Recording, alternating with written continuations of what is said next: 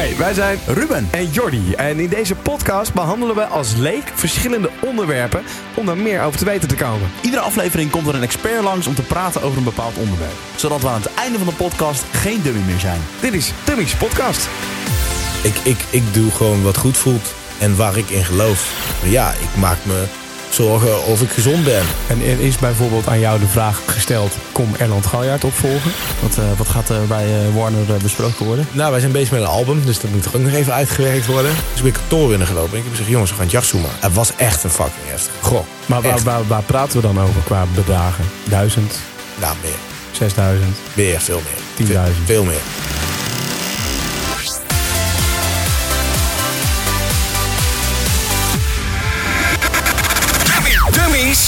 Podcast. Aflevering 7. Ja, dat heeft minder lang geduurd dan, eh, dan de vorige keren. Normaal openen we altijd met de standaard. zin, Nou, daar zijn we weer. Dat heeft even geduurd. Vandaag niet. Nee, laten we dat er zo ook inhouden. Vorige met, eh, met Erland Galjaard werd, werd echt heel veel opgepakt. Eh, natuurlijk 21 jaar baas geweest bij RTL. Daar hebben we heel lang met hem over gesproken. We zijn meer over hem te weten gekomen en over de televisiewereld. En we bereikten zelfs met onze podcast televisie. RTL Boulevard zaten we in. Ja, dat vond ik heel erg leuk. Dat was een zaterdagavond. Ik heb het zelf trouwens niet live gezien. Ik heb het even teruggekeken. Heel erg leuk om te zien. Vooral ook omdat er dan. Eh, of omdat er via deze manier over podcasting op televisie werd gesproken. Wat volgens mij wel een soort van mijlpaal is. Ja, dat denk ik ook wel. En ik, ik hoop dat we met, met, met post, podcasten zeg maar, de wereld eh, al eh, wat groter gaan worden. Podcasting, dat zou toch fijn zijn. Ja. Hey, daarover gesproken, over groter worden. Ehm, ja, we hebben je hulp even nodig. En nou vind ik het altijd echt heel erg erg als mensen zelf oproepen om te gaan stemmen en zo op dingen. Maar we gaan het toch doen. Ja, we gaan het toch doen. We, Ja. we zetten toch even die schaamte op, opzij. Eh, je hebt namelijk de Online Radio Awards. Dat is een nieuwe prijs, is dat? Eh, en dan, ja, de, een, een categorie eh, is ook de podcast. Ja, en, en wij zitten in de, de shortlist eigenlijk van podcast. Je kunt heel makkelijk stemmen. Je zou ons daar echt een heel groot plezier mee doen. Heel veel hartjes voor jou als je het doet. OnlineRadioAwards.nl Het is echt ook een heel makkelijk eh, stemformulier. Soms moet je je geboortedatum, je bankgironummer invoeren. Dat hoeft nu niet meer. Nee. Dus je kunt heel makkelijk en snel stemmen. Het zou ons heel tof lijken. Doe je het niet, dan eh, doe het ook vooral niet. Maar Nee. Dat wilden we toch even gezegd hebben. Kan tot 10 juli. Dus wel even goed om te noemen. Een podcast is natuurlijk tijdloos. Misschien luister jij deze op 18 augustus 2024. Ik weet het niet. Nee, maar... Dan ja. heeft de stemmen geen zin meer. Maar als je hem voor 10 juli hoort, dan eh, is jouw stem meer dan welkom. OnlineRadioAwards.nl Vind je trouwens ook heel veel andere podcasts hoor. Als je nog meer podcasts luistert en denkt, joh, eh, ik wil mijn stem aan iemand kwijt. eh, be my guest. Maar stem in ieder geval op een podcast die jij tof vindt. Dat, eh, ja, dat is volgens mij wel heel belangrijk voor de, voor de podcast in zijn algemeenheid. En ik vond het eh, tof om de vorige keer even shout-outs te geven aan mensen. Dus laten we dat nu ook even vooral doen. Eh, Lammert Wijnsma is iemand die heel veel reageert op onze podcast. Wat ik leuk vind. Patrick Kikke zat bij de laatste fans door de Erland Leuk, eh, podcast. Leuk, leuk. Pierre Papa, Marit Bosman, Michiel Veenstra. Leuk, helpt ons ook altijd mee. Robert R. Goelie op Twitter moet ik er even bij zeggen. Martin Stoker, Joël. dankjewel voor het reageren. Blijf dat vooral doen. Daar halen wij extra veel energie uit. Ook als je feedback hebt, kritiek of dat soort dingen. Roep het. Ja, en als er dan toch in het rijtje huishoudelijke mededelingen zitten, dan tikken we deze ook maar gelijk af. Want we hebben sinds, eh, sinds nu een Instagram-account. Ja, we zijn dus lekker snel bij. Ja, inderdaad, we zijn erbij hoor. Maar eh, je vindt het eh, via Instagram als je zoekt op dummies-podcast. Ja, Dummies laagstreepje podcast op Instagram. Blijf je op de hoogte van de laatste podcast die we online zetten. En kun je ook altijd eh, reacties achterlaten en feedback. Noem het maar op. Yes, vandaag dus de gast Giel de Winter. Ja, en eh, Giel eh, kennen wij als, als een van de drie van, van Stuk TV. Op dit moment het grootste YouTube-kanaal van Nederland. 1,8 miljoen abonnees. Ja, dat is heel erg veel. Eh, maar ook daarnaast als mediaman is veel op tv te zien de laatste tijd. Heeft ook altijd een hele duidelijke mening over televisie, over YouTube. Een hele duidelijke visie. Werkt kei en keihard. eh, zowel on tour met het trio Stuk TV om overal en nergens in het land te gaan draaien. Ook dat doen ze nog, dat draaien. Het is niet normaal. Nee, eh, muziek brengen ze uit. Eh, nog steeds iedere woensdag nieuwe content op hun kanaal Stuk TV. Nieuwe series, nieuwe formats. En ehm, eigenlijk de hoofdvraag voor vandaag. Waar kijken we onze content over vijf jaar? En we krijgen een kijkje in de YouTube-wereld. Want hoe werkt dat nou eigenlijk? Yes, eh, ik ben heel benieuwd wat hij allemaal te vertellen heeft. In de studio, Giel de Winter. Welkom, eh, Giel. Yes. Ja, Ja, zitten we dan? superleuk dat je er bent, allereerst. Ja. Eh, want je agenda is vol, denk ik. Ja, die is wel een redelijk killing. Maar het is natuurlijk nu zomer, dus dan is het vrij, vrij hectisch.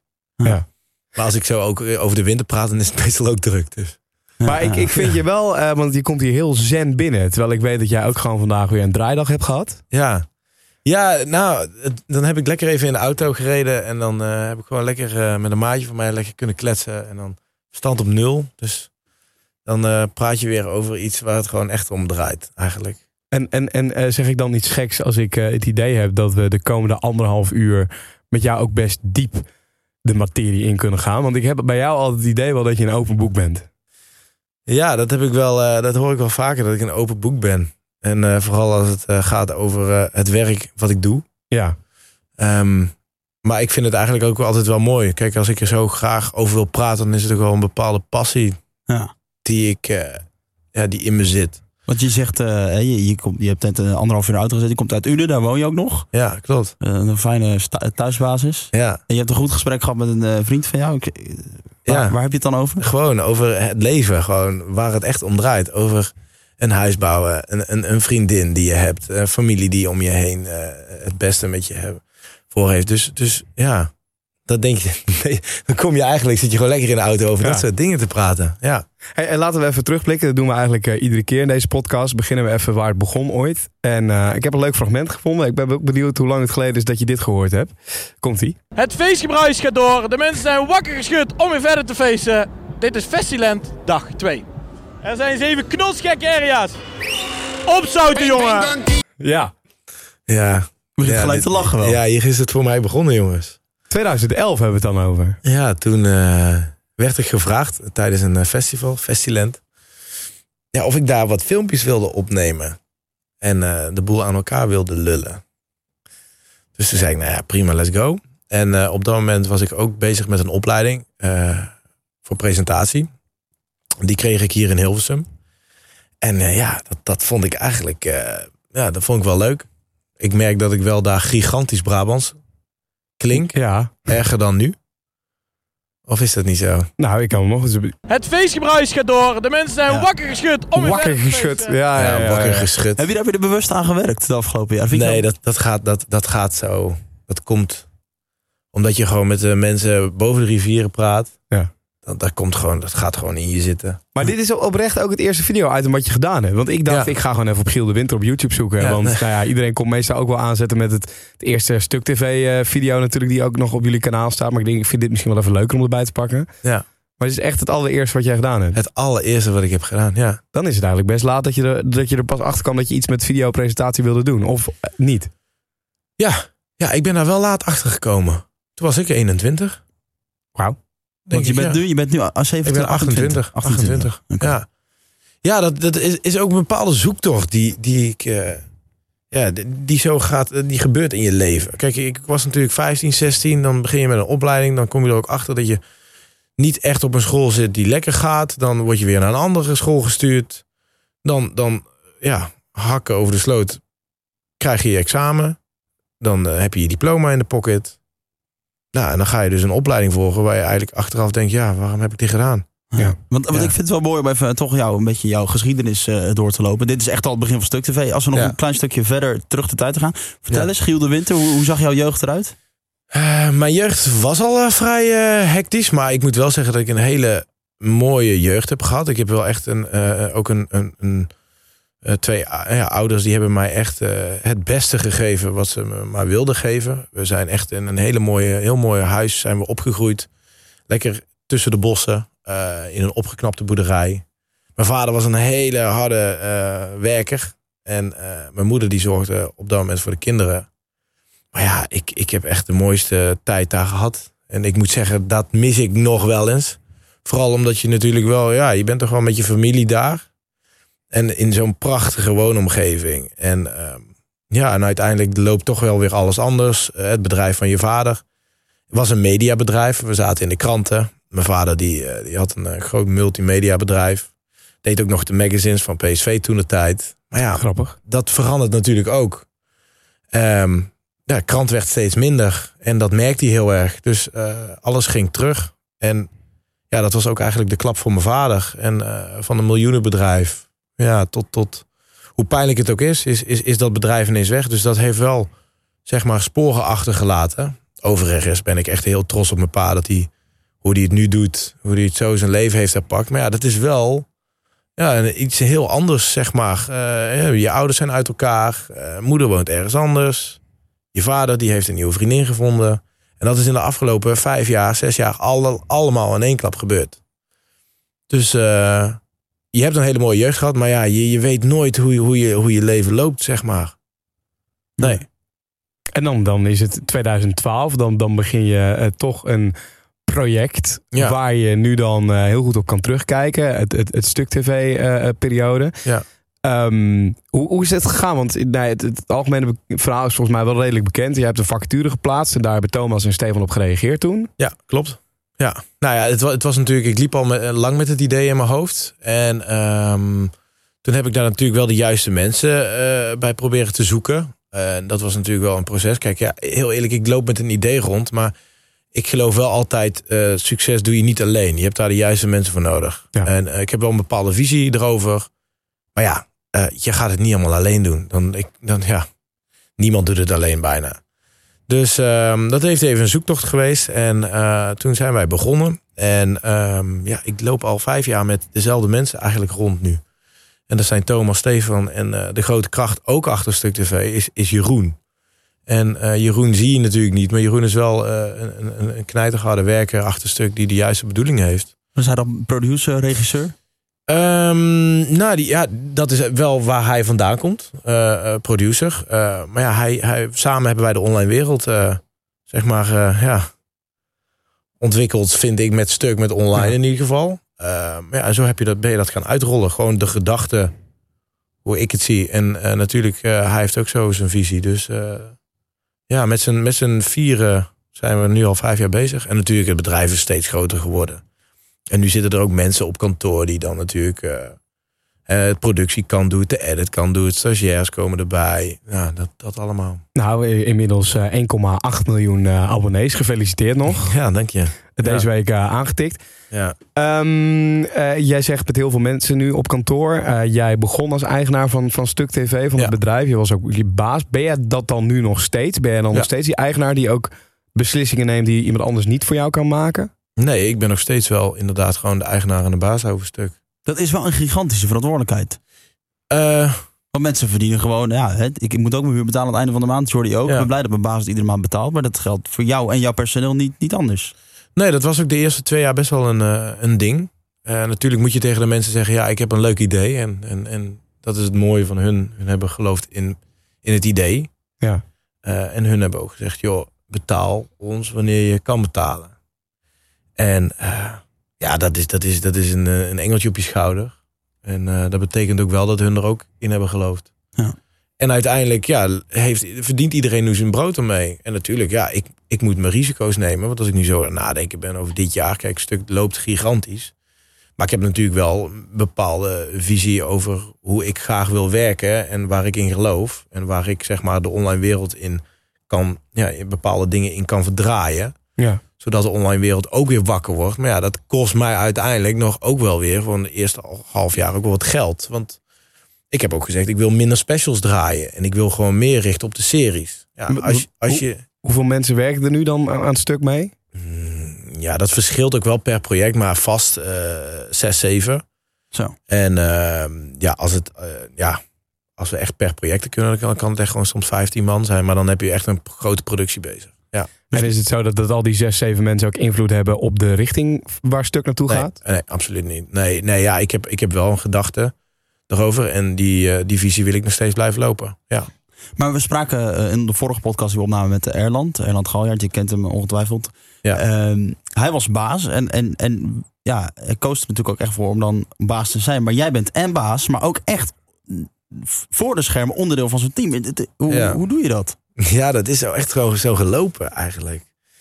Ik vraag me soms nog wel steeds af van ja, hoe, hoe, hoe, hoe kan ik dit allemaal blijven doen? Maar toch, het, ik vind het zo leuk. En ehm, dat ik denk, ja, het werkt tot nu toe gewoon goed. Ja. Dus, dus waarom, waarom zou ik het veranderen? Ja, want als we dan eh, de, dingen eh, bekijken die jij doet, dat is eh, Stuk TV, hè, het YouTube-kanaal en dus het hele bedrijf. Maar daarnaast, je Ja. jullie gaan ook nog eh, met z'n drie het hele land door, of Ja. wat zeg ik, het hele land, eh, heel Europa door, om, eh, om als DJ's ook nog te, te- Ja, te klopt. draaien. Ja. Dat Hoe kun, je dat, bij. hoe kun je dat in hemelsnaam samen doen? Ja, ehm, gedachten. Ik, ik, ja, gewoon visie ook. En, en gewoon de, het plezier wat je hebt. Kijk, Erland stelde natuurlijk de vraag aan mij van ja, wat wordt het? Wordt het online, televisie of DJ? Maar ik moet zeggen, Stuk TV is niet alleen een YouTube kanaal. Stuk TV is niet alleen eh, een DJ groep. Wij zijn een merk. Stuk TV is een merk en daar loop ik altijd mee. Ehm, en je moet je voorstellen, wij maken video's eh, voor het publiek. Maar dat publiek wil je natuurlijk ook wel in levende lijven zien. Ja. Je wil ze de kans geven dat ze s'avonds thuiskomen en zeggen... jeetje, ik heb Giel, Thomas en Stefan gezien. Hoe fantastisch was dat? En ja, ik, ik draaide voordat ik eh, Stuk TV begon... draaide ik al in, in discotheken. En ehm, ja, dus het was wel vrij, zeg maar, eh, eh, ja, de knipoog gelegd van... goh, weet je, laten we eens kijken en onderzoeken...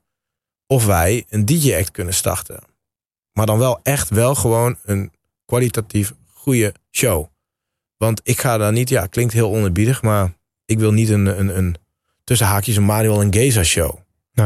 Eh, wil ik maken. Ik wil gewoon wel echt waarbij het publiek denkt: Jezus, ik heb er af, afgelopen uur, ben, ik weet niet wat ik heb meegemaakt. En daar willen we naartoe werken. Dus kortom, je bent weer verder aan het denken over je merk. Ja, die, dat is wel grappig dat je die Manuel Geza noemt. Want eh, eh, we hebben uiteraard eh, we hebben we jou, we hebben research gedaan op voorhand. Die- We hebben Linda's mannen zitten kijken. Ja. Daar zeg je ook, daar stond je letterlijk op een gegeven moment voor Manuel en Geza stond je, moest je het podium op met z'n drie. En daar zei je ook echt, we moeten die gasten overtreffen. Ze- d- Ja. Jullie moesten het hoogtepunt zijn van die avond. Ja, ja dat vind ik wel. Want ehm, kijk, wij, hoe je het went of keert, jongens, wij zijn stuk. Iedereen kent ons als we op het podium staan van YouTube. Ja. Dus eh, het is makkelijk gezegd dat mensen denken: oh, ze zijn van YouTube, joh. Die doen we lekker geld verdienen. En eh, die gaan weer. En eh, ja, ik vind het niet leuk, geef mij maar een, een party squad of noem maar iets. Ja, dat, dat, ik snap dat je die gedachte hebt.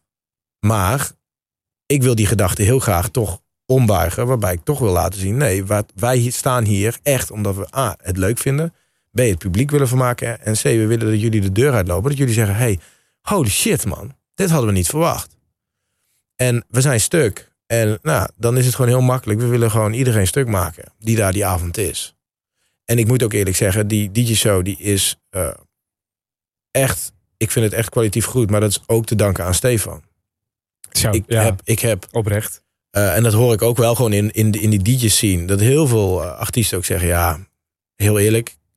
Ik denk dat jullie veruit een van de beste MC's hebben die er rondlopen momenteel. Ja. En dat vind ik zo'n mooi compliment. En dat is ook een heel groot compliment naar Stefan. Want Stefan weet niet wat hij kan doen met het publiek. Hij is zo gek. Zo een idioot op het podium. Maar dat zorgt er wel voor dat het publiek denkt... holy shit, deze, hij heeft er zin in. Maar, maar dan kom ik toch weer terug op die vraag. En eh, niet omdat ik er sceptisch tegenaan kijk, maar juist omdat ik er zo verbaasd door ben dat, dat en het kanaal met 1,8 miljoen abonnees tering goed loopt. Ja. Nog elke woensdag weer een video, elke week weer nieuwe formats. Eh, dit gaat als een tierenlier. Jullie gaan inderdaad het hele land door. Jullie hebben Slam Koningsdag 30.000 man. Dat ging, dat ging misschien wel het meest los van alle acts die daar de hele dag gestaan hebben. Ja. Hoe dan? Hoe, hoe weet je en die formats elke week weer neer te zetten, die visie van het kanaal die kant op te brengen, die Ja. DJ-act wat een hele, hele andere aparte kant is nog weer te ontwikkelen. Mhm. Ik, ik probeer mijn vinger te leggen op, op wat dan... ik, ik, ik doe gewoon wat goed voelt en waar ik in geloof. En ik geloof in het feit als ik op YouTube kan laten zien dat wij gek zijn en daar kunnen wij het publiek op vermaken, dan moet dat ook gewoon kunnen in het echt. Maar slaap je dan nog? Ik slaap, eh, ik slaap. ik slaap niet veel. Eh, en het heeft ook wel heel veel stressfactoren. Want als, als, je, nou- als nou iemand naar me toe komt van, hey, hoe is het? Je antwoordt altijd goed. Ja. Maar als ik nou echt tegen iemand wil zeggen hoe het met me gaat, nou dan kun je even de komende twee uur eh, naast me komen zitten. Maar ik praat eigenlijk niet heel graag over mijn, mijn gevoelens Hoezo niet? Omdat ik eh, altijd bezig wil zijn met het positieve. En ik wil bezig zijn om iets neer te zetten. En dat heb ik ook met stuk. Als ik, ik, als ik daarmee bezig ben, dan ben ik daarmee bezig. En dan heb ik daar mijn gedachten over. En dan krijg ik daar zoveel energie van. Ook nu, als ik er zo over aan het praten ben, denk ik... Nou jongens, ik ben nog de komende jaren niet klaar. Nee. Ehm, maar ja, het, het doet toch wel echt wat met je lichaam. Ja, ik heb wel meer afspraken bij de dokter. Ja, ik ben eh, een stuk onzekerder. Ja, ik maak me zorgen of ik gezond ben. Ehm, ja, dat zijn vervelende dingen. Ja. Die er soms wel bij, eh, eh, bij horen, maar ja, die ik het liefst niet wil hebben. Maar ze gebeuren wel. En dat komt door het harde werken. Maar of ik dat wil, of ik dat wil inleveren, zodat ik me weer volledig goed voel, ja, dan denk ik bij mezelf, nou, kan toch over vijf jaar ook? Wa- Wat is dan het punt waarop jij denkt, eh, oké, nu heb ik hard genoeg gewerkt? Of zal dat nooit komen? Ehm, ja, nou vraag je me iets wat ik, wat ik gewoon wellicht nooit achter zal komen. Nee. Ik denk dat ik misschien over vijf jaar weer een totaal andere gedachten heb. Ja. De- Nou, nou, nou wil ik ook wel naar een quote terug, omdat we het nu ook over het stuk gedeeld hebben. En, en vijf jaar, het loopt goed, het, het draaien gaat fantastisch. Ja. Ehm, Linda's mannen, da- daar zullen we wel vaker naar refereren. Daar heb je heel veel uitspraken gedaan. Ja. Ehm, eentje daarvan was, is dat eh, Stuk TV niet houdbaar is. Dat, dat zei je op dat moment. Ik weet niet hoe je daar nu over denkt. Het, heeft al een, het is al een tijdje wel houdbaar. Mhm. Ik denk dat eh Stuk TV eh, houdbaar is tot een bepaalde hoogte. Ik geloof niet dat ik over 30 jaar nog steeds rondloop met Thomas en Stefan naast me. Nee. Dat zou ook een beetje sneu zijn misschien. Het zou gek zijn. Ehm, ik geloof wel dat ik ervoor kan zorgen, samen met de jongens, dat we voor de komende rest van ons leven een carrière hebben. En dat doe je door middel van, hè, kijk maar eens even naar Carlo en Irene. Ja. Van vroeger Telekids. Die doen ook nu totaal andere klussen. Ja. Maar daar zijn ze wel mee begonnen met een kinderprogramma. Kijk, wij zijn geen kinderprogramma, want ik maak wel nog steeds dingen die ik heel graag wil zien. Maar ja, eh, ik geloof nog wel dat wij nu de komende vijf jaar nog wel door kunnen blijven gaan. Wel met een nieuwe visie, andere gedachtes. Maar ik geloof niet dat wij over tien jaar nog bij elkaar zijn. Ehm, Geloven jullie dat wel dan? Nou, nee, maar ja, dit- kijk, we hebben af en toe wat, wat, wat vragen van luisteraars, van, van kennissen, van vrienden van ons tussendoor. Eh Rens Goosling, die rode, je kent hem ook. Tuurlijk. Die, eh, die De lelijkste van Slam. Ja, de lelijkste van Slam. Ja. Die gooide er ook in. Ja, jullie worden steeds ouder. De doelgroep, de doelgroep blijft jong. Hoe lang Ja. kun je dat inderdaad nog volhouden? En zijn jullie daar inderdaad mee bezig? Maar als ik dat zo hoor, dus wel. Ja, want eh, we krijgen steeds nieuwe. eh, ja, de, doelgroep wordt steeds groter. En als je afvraagt, ja, hoe? Kijk, de doelgroep die wij vijf jaar geleden hebben aangesproken, die groeien met ons mee. En hoe zag die doelgroep er toen uit? Nou, dat was toen ook eigenlijk rond de 12, 18 jaar. Maar als je dat nu kijkt, die zijn dus nu 23. Dus als ik nu over straat loop, mensen van 23 komen echt nog naar me toe en die zeggen: Yo, ik volg stuk al 4, 5 jaar. Dus die doelgroep groeit met je mee. Maar we spreken ondertussen ook wel weer een nieuwe doelgroep aan. Want ik upload nog elke week een nieuwe aflevering. Ja. Dus grote kans dat wel dat weer een nieuw publiek trekt. Nou, en die maken weer kennis met stuk. Die zijn een jaar of 12. Die zijn over vijf jaar weer 18. Maar dan is die doelgroep van 23 is 27. Maar wat jullie doen met Stuk TV is natuurlijk waar, waar alle tv-bazen en ook radiobazen, denk ik, eh, ongelooflijk jaloers op zijn. Zo'n jonge doelgroep aanspreken. Ja, want dat heeft de televisiewereld inderdaad niet meer. Want ja, als ik eh, zo kijk, eh, gewoon even een voorbeeld. De NPO 1, 2, die hebben gewoon de, de, de, de leeftijden van 60 plus. Ja. En de NPO 3, die zeggen heel mooi met een heel mooi verhaal van... ja, wij hebben ook nog de jeugd, want wij maken eh, BNN Vara. Maar als je gewoon echt gaat kijken eh, wat voor leeftijd die trekken... nou, dat is eh 40 jaar. Ja. Dus het is inderdaad jonger dan 60. Maar ze trekken niet de doelgroep die eh Stuk TV heeft. En die veelal ook op YouTube zitten. En dat is wel iets waar televisie moeite mee heeft. En ik denk ook dat ze dat niet zomaar weer naar televisie kunnen verdraaien. Dat gaat ze niet meer lukken. Nee. Word jij daar dan nog voor gevraagd? Van joh, Giel, eh, luister vriend. eh, je hebt het op YouTube eh, bereikt. Kom ons eens helpen. Ja, natuurlijk heb ik daar wel vaak zat gesprekken over gevoerd. Maar ik ben nog wel altijd gewoon eerlijk. Dat ik zeg, jongens, het is televisie. En de wereld waarin wij nu leven is heel anders. Kijk, als ik nu zo hier aan tafel kijk, de telefoons liggen naast ons. Ja. En eh, dat was twintig jaar geleden, was dat niet zo. Want toen zat je lekker met je familie, zat je op vrijdagavond en zaterdagavond zat je eh, een programma te kijken, of tien jaar geleden. Maar die wereld is zo aan het veranderen op het eh, social media. Eh, je hebt Instagram, Twitter, Facebook. Je hebt zoveel afleiding nu.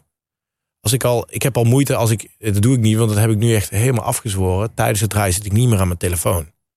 Maar hoeveel mensen dat ook al doen, dat, is, dat, dat zegt ook wel iets heel veel. Hè. Dat, dan denk je, holy shit jongens, we zijn in een totaal andere dimensie aan het leven. Je bent onze hersenen willen zoveel tegelijk meemaken. Vroeger was het, als jij auto gaat rijden, ga je auto rijden. Als je thuis komt, ga je eten. En als je klaar bent met eten, ga je op de bank zitten, ga je een programma kijken. Maar nu ben je, ga je op de bank, televisie bijvoorbeeld, nu voetbal kijken. Ondertussen zit je op je telefoon, ben je aan het appen, ben je Facebook aan het kijken en ben je YouTube aan het kijken. En ondertussen ben je nog heel even vlug iets in de magnetron aan het maken. Dus we zijn echt aan het multitasken. En dat, daar heeft de wereld, de online eh, of de televisiewereld ook last van. Want mensen kijken nu, of op hun telefoon kijken ze al filmpjes, wanneer ze het zelf willen. Dat televisie die gaat niet meer aan. Want ze denken, ja, ik kan Playstationen. Want ik heb eh, ja, mijn telefoon naast me en daar kan ik toch alles op eh, doen. En ik kijk zelf wel wanneer ik het wil doen. Ja. Dus daarom is dat on-demand uit, uit, uitgevonden. En eh, dat zie je nu, Netflix, hè? Videoland. Dat is nu allemaal aan het opkomen. Maar zijn er niet bepaalde eh, programma's, bepaalde dingen die altijd, eh, zeg maar, die altijd leidend blijven op televisie? Bijvoorbeeld een journaal, dat soort zaken? Ehm, ja, tuurlijk, journaal zal altijd wel blijven. Maar ook dat gaat een keer wel veranderen. Niet dat dat nu binnen tien jaar verandert of zo. Want kijk, de doelgroep die nu televisie kijkt, die heb je nog wel mee. Maar dat wordt wel steeds minder. Ehm, maar het, het gaat denk ik wel allemaal op een andere manier worden. Als ik jou zo hoor en, en als een, een wild vreemde jou zo zou horen, zou die er misschien raar van opkijken dat je dan wel alsnog op televisie te zien bent. Ja, ja. Ik heb, In eh, Galileo bijvoorbeeld. Of, Ja. eh, weet je wel, het is wel, al, het is wel al serieus inderdaad wel al een tijdje geleden. Ehm, maar dat was ook door middel van... ehm, ik wilde mezelf eh, zien groeien in het presenteren. Ik wilde mezelf zien groeien in de doelgroep. Ik wilde ook nieuwe doelgroepen bereiken. Dus de doelgroep die ik niet online had... wilde ik graag op televisie benaderen, bereiken. Daarom deed ik mee met het perfecte plaatje. Eh, en dat was ook wel een programma waar ik ook wel gewoon echt lol in had. Kijk, je Mhm. moet ook nog gewoon steeds dingen doen die je gewoon leuk vindt. En dat was ook gewoon een goed programma. Dus ehm, ja, ik wilde gewoon op dat moment toch gewoon mezelf even zien groeien. Ik wilde stappen maken. En die stappen die, eh, die leerde ik kennen door middel van ja, gewoon even een ander programma doen. Gewoon even andere teksten. In plaats van, yo, ik ben Giel Thomas Stefan en vandaag gaan we dit doen. het, moest, het moest nu even, even zeggen, ja, heel wetenschappelijk-achtig, maar daar leer je wel heel veel van. Ehm, stel nu, er komt iemand naar jou toe, zenderbaas van, eh, van RTL of van SBS, van Talpa. Ja. Giel, wij willen dat jij de nieuwe Umberto wordt. Jij gaat een late night programma presenteren of een ander belangrijk televisieprogramma. Mhm. Wellicht is het al gebeurd, geen idee. Zeg jij ja of denk jij nee? Nee, absoluut niet. Ik blijf bij YouTube en ik geloof hierin. Ik zal, eh, mijn antwoord daarop is nee. Ehm, en waarom? Omdat ik gewoon, ja, ik ben met stuk bezig. En ik wil daar nog steeds heel graag enorm grote series voor maken. En die weg ben ik nu aan bewandelen. Dus ik vind ook van mezelf, dat moet ik voor de komende drie, vijf jaar, wil ik dat met mezelf afspreken. Ik ben niet klaar met stuk voordat ik daar eh, nog grotere series heb gemaakt dan het jachtseizoen. En zolang dat nog niet is gebeurd, ga ik nog niet andere stappen maken. Ehm, ja, dat, dat is eigenlijk gewoon heel simpel mijn antwoord. Nee, ja, het antwoord is dan nee. En er is bijvoorbeeld aan jou de vraag gesteld, Giel, eh, kom Erland Galjaard opvolgen? Nee, die vraag is nooit direct natuurlijk aan me gevraagd. Het zou een beetje natuurlijk, ik ben 28 jongens. En televisie is, eh, kijk, ik heb natuurlijk de podcast van Erland eh, geluisterd. Waar ik overigens echt met heel veel plezier naar heb geluisterd. Want het is toch wel heel interessant hoe, hoe, hoe hij de afgelopen 21 jaar daarbij echt al heeft beleefd. Ja. Respect voor dat. Want hoe je het went of keert, iedereen schoot de ballen af op Erland. Als er iets fout ging, was Erland de Sjaak. Terwijl je ook moet realiseren, ja, er zit zo'n gigantisch bedrijf achter. Dan kun je niet alleen één iemand de schuld geven. Maar ja, dat deed de media wel natuurlijk. Dus ehm, nee, die vraag is niet aan mij gesteld. Ik, natuurlijk zijn er wel vragen gesteld aan mij van... goh, kunnen we zitten en kunnen we jouw visie eens loslaten op RTL? En dat vind ik allemaal heel interessant. Maar dan betekent wel dat ik eh, dingen ga vertellen... waarbij het bedrijf echt heel groot veel baat bij heeft. Maar dan wil ik er ook iets voor terug. Ja. Ehm, en dat kan in de vorm van aansluiten met stuk, hè, zo'n MCN of whatever, iets meer vrijheid krijgen. Maar ja, daar, dat, tot heden is dat nog niet gebeurd. Nee, nee. En eh, jij zegt inderdaad, eh, Erland die krijgt op zijn flikker van de hele media als het niet goed gaat met RTL. Ja. Heb jij wel eens op, de, op, je, op, op je flikker gekregen omdat het, ja, het gaat alleen maar nu nog steeds bergopwaarts met stuk. Maar er komt misschien een moment dat dat, dat minder gaat en dat er toch heel veel belangen zijn. En dat je, ben je daar bang voor? Tuurlijk ben ik daar bang voor. Ja, natuurlijk, logisch. Ja, het, het, je moet ook zo zien, het kan niet alleen maar vijf jaar goed gaan. Dus op een gegeven moment ga je wel je keer je kritiek krijgen. Maar die kritiek krijg je sowieso wel eens. Weet je, mensen vragen zich nu af, waar blijven die series nu? En wanneer gaan jullie weer droppen? En ja, dat, dat, heeft tijd nodig. Ja. Maar ik geloof gewoon meer in het feit van, joh, doe gewoon wat je leuk vindt. En, en natuurlijk, je komt wel eens een keer, eh, krijg je die vragen. Natuurlijk. Ik heb vaak zat al in de media gehoord van, ja, joh, dit en dit. En dan eh, denk ik ook zo, oké, yes. Hey, ik vind het eh, een leuk moment om eigenlijk een beetje de YouTube-wereld eh, uit te pluizen. Want eh, we zijn dummy in de YouTube-wereld. Oké, we krijgen de zijdelings natuurlijk bij Slam, 3FM ook wel genoeg van mee. Want wij zitten met z'n allen in dezelfde vijver te vissen. En zijn ook Mhm. aan het kijken naar wat kunnen we op YouTube doen. Jij noemde net al MCN, Multichannel Network. Ja, Hoe zat dit? Het Stuk TV is nu onderdeel van een MCN? Of niet? Of... Nou, momenteel zijn wij nog aangesloten bij RTL, MCN. Ehm, en ja, en, eh, wat doet een MCN nou eigenlijk in principe voor je? Sluit jezelf daar aan, in principe. En dat betekent dat hun hè, RTL die gaat zijn advertentieinkomsten daar ook aan koppelen. Dus jij verdient met je YouTube-inkomsten, maar je verdient dan ook met nog een ander systeem, verdien jij nog, ook nog inkomsten. En RTL, die, eh, een MCN, kan er dus voor zorgen dat je wat sneller eh, ja, series kan doen. Eh, specials kan doen. Hè. Klanten kunnen dus naar RTL toe komen en zeggen... hé, hey, luister, ik heb eh, dit merk... maar ik zou dat heel graag onder de aandacht willen brengen bij Stuk. Kan dat? Nou, dat is goed. Dus die ingangen hebben ze voor ons. Ik ben geen verkoper, moet ik eerlijk zeggen. Nee. Kijk, ik, ik heb niet zomaar dat ik nou zeg... oh, ik ga die en die bellen... want die willen vast en zeker een serie bij mij eh, afnemen. Nee, dat, dat is niet mijn kracht. Natuurlijk kan ik wel een klant binnentrekken als ik aan tafel zit. Maar ja, dat is omdat ik erin geloof. Maar dat daar, zo'n stukje MCN kan daar wel aan bijdragen. En ook natuurlijk, ja, als er een MCN het goed doet, ja, nou, die wordt sneller meegenomen in de fiets. Eh, het gaat allemaal wat vlotter. Ja. Maar ja, of ik dat nu nodig heb met 1,8 miljoen abonnees, eh, nou, dat weet ik niet. De klanten, de, de adverteerders eh, melden zich met, met de hordes tegelijk, kan ik me voorstellen. Maar bij een beginnende YouTube-kanaal is het natuurlijk wel handig. Hè? Stel nou dat eh, Pietje die, die heeft duizend abonnees en eh RTL die denkt, hé, hey, daar zie ik wel baat in. Die komt bij ons MCN en dan zegt de MCN, hé, hey, maar we hebben ook nog iemand met 10.000 abonnees. Als jullie nou samen video maken, dan gaat jouw kanaal natuurlijk ook weer groeien. Ja. Nou, hé, hey, dat is toch top?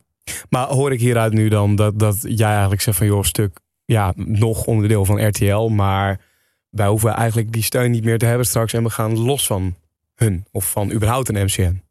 Nou, ik zou wel onder andere soort voorwaarden willen werken sowieso. Maar of dat nou met RTL is, of dat het alleen is, of I don't know. Nee, dat ga ik... eh, ja, ik weet niet. Daar ben ik echt inderdaad uh, wel goed over aan nadenken. Maar ik ga niet op dezelfde voet verder zoals wij nu eh, hebben gedaan. Nee. Maar dit is al best wel veel eh, nieuwe informatie. Hè, voor mensen die gewoon op YouTube video's kijken. Net als, Ja. net als ik is het allemaal be- best wel nieuw. Eh, want hoe werkt het überhaupt met YouTube? Het is natuurlijk eh, fantastisch dat je daar geld mee kan verdienen. Maar ja, Ja. het is niet dat als ik, een, als ik 100 abonnees heb, dat ik dan gelijk al daar heel veel geld mee verdien. Hoe werkt dat? Nou, het is, het is in principe zo. Stel nou, wij maken video's en dat wordt door een, groot aantal kijkers bekeken. Dat betekent dus niet als jij eh, duizend eh, views hebt dat je denkt, hé, hey, ik kan er al lekker geld mee verdienen. Nee, je moet wel ehm, structuur laten zien. Je moet wel hè, meer views nodig hebben. Dus als je nou bijvoorbeeld meer dan 10.000 views hebt, dan kun je dus de advertentieaankomsten in, eh, of ja, aanzetten. En dat betekent dus dat jij dat YouTube advertenties voor jouw video gaat zetten. En hoe meer views jij hebt, hoe meer, zeg maar, jouw inkomsten stijgen. Maar ja, iedereen denkt dat oh, dat is mega veel. En dat is echt, daar kun je op leven voor altijd. Als ik dus 100.000 eh, views heb, dan eh, ben ik gebakken. Nou, dat is, dus, dat is dus niet.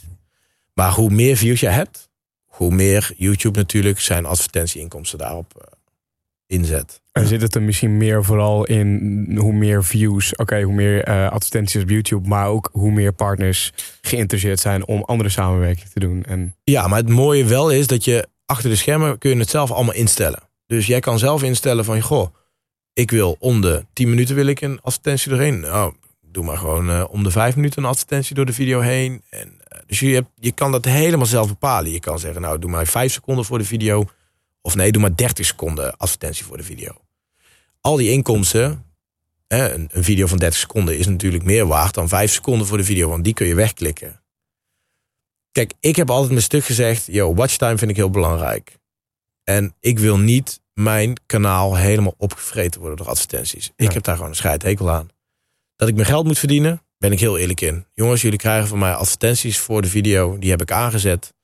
Eh, je kunt ze wegklikken. En je krijgt na de 10 minuten krijg je ook één keer een advertentie. Kun je ook zelf kiezen wat voor advertenties dat zijn? Nee, dat kun je meestal niet zo eh, per se. Je kan natuurlijk wel, eh, als je met bijvoorbeeld met een merk hebt samengewerkt, kun je wel een, een, een, een klant uit, eh, ja, zeg maar, uitzetten. Maar nee, daar heb ik niks over te zeggen. Ja, als in je werkt samen met eh, Taft en je zet daardoor André Lon uit. Nou, dat, ja, dat Ja. kan dus niet. Ja, dat kan dus. Dat is maar. Nou ja. ja.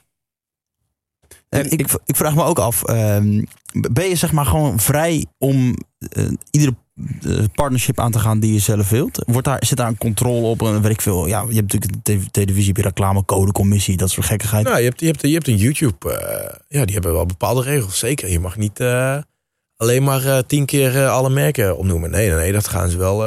en je moet ook wel echt aanklikken dat het betaalde promotie bevat. Dus YouTube is daar wel heel streng op. Ja, wel, je- wel streng geworden, want het was de hele periode niet zo, toch? Nee, nee, ja, maar natuurlijk, YouTube ziet ook wel dat zijn bedrijf heel erg aan het groeien is. Dus ja, klanten die hebben natuurlijk ook wel wat eisen. En je hebt natuurlijk ook de regels richting, eh, richting de, de gebruikers. Dus je mag ze ook niet gek maken. Nee. Maar het is ook wel zo, ja, ja, er veranderen dingen. Kijk, ja, ik had met het, met het jachtseizoen, hadden wij een billboard aanstaan, weet ik nog. En die bewoog, zeg maar, dit programma wordt mede mogelijk gemaakt door Samsung. En daar bewogen, zeg maar, de producten. Nou, dat mocht dus niet. Van Die YouTube zelf Ja, dan die niet. producten mochten dus niet bewegen. Dus ja, hebben wij dus een stil gemaakt. En dat zijn ook regels. En eh, nou, dat is dan, dan, dan moet je dus daarmee dealen. Het is wel jammer. Want ja, je wil natuurlijk ook de klant gewoon het beste geven. Laten we ook vooropstellen. Dat, wordt, dat, dat je klant financiert een heel programma voor je. Ja. Dus je wil het, het beste weggeven. Maar komt dan YouTube Nederland naar jou toe met, eh, joh, eh, Giel of stuk, dit mag niet? Of komt er een automatisch gegenereerd mailtje jullie kant op? Nee, nee, we hebben, zeg maar, kijk, natuurlijk omdat je wat, wat groter eh, account hebt, heb je eh sneller geschakeld binnen YouTube. En eh, heb je ook gewoon gesprekken met iemand, met een contactpersoon daar. En die heeft toen wel gewoon netjes een mailtje gestuurd van, hey, goh, wil je er toch wel even naar kijken? We willen het nu niet meteen, hè, we snappen dat het even een shock is, maar we willen ook niet meteen de video offline halen. Nee. Maar willen jullie er aan de volgende video's aan denken? Nou, Oké, netjes. dus dat is ook wel dat. Ja, maar ja, dat is ook wel weer zo. We zijn ook een groot kanaal. En eh, we moeten toch zien samen te werken, eigenlijk. Ja, je hebt belangen natuurlijk van. Hè? Jij Ja. hebt belang bij YouTube, maar YouTube heeft ook zeker belangen bij jullie. Ja, precies. Dus je moet gewoon het beste ervan maken. Is die samenwerking, eh, eh, je omschrijft dit gedeelte, is heel netjes. Is die samenwerking heel eh, nauw met YouTube Nederland? Nou, nee, die is niet heel nauw. Nee, ik, ik, ik, ik, eh, ik, nee, ik spreek ze ook niet zo heel veel. En als ik vragen heb, dan spreek ik ze wel. Het is echt gewoon, Oké, als hun vragen hebben, kan altijd. het kan altijd. Ze staan altijd open. Het is een heel, ik vind het echt, het werkt allemaal fantastisch. Eh, maar ja, als je ze niet nodig hebt, dan spreek ik ze niet hoor. Ja. Nee. Het is niet zo dat ik ze elke aflevering, als ik een aflevering op het kanaal zet, dat, dat, dat ik ze spreek. En wa- wat moet er dan volgens jou bijvoorbeeld eh, meteen veranderen op YouTube? Wat, wat is iets wat jou als een doorn in het oog ziet? Of iets wat jij niet per se als een door misschien, maar gewoon... joh, dat zou wel fijn zijn als dat anders zou werken. Ah, Poeh, ja, wat, wat, nou, soms heb je wel eh, moeite met, met, een- met een bepaalde pagina, bijvoorbeeld de trainingpagina. Stel nou dat wij, eh, ik noem maar even iets, eh, hè, soms 400.000 eh, views scoren in, in 24 uur op een video. Dan is dat soms niet trending. Snap je wat ik bedoel? Maar als Ja. er dus een artiest trending scoort met 100.000, is dat wel trending. Dus we moeten daar wel gewoon goed naar kijken. Dat heb ik ook aangegeven. En joh, weet je, ik denk prima. Wij hebben het, ons kanaal loopt. Trending hebben wij niet per se nodig. Maar trending is wel voor mij iets waarbij ik me wel... Hè, dat is ook zo graag zo'n momentje dat je denkt... Hey, yes, Gewaardeerd staan- voelen. Ja, gewaardeerd voelen.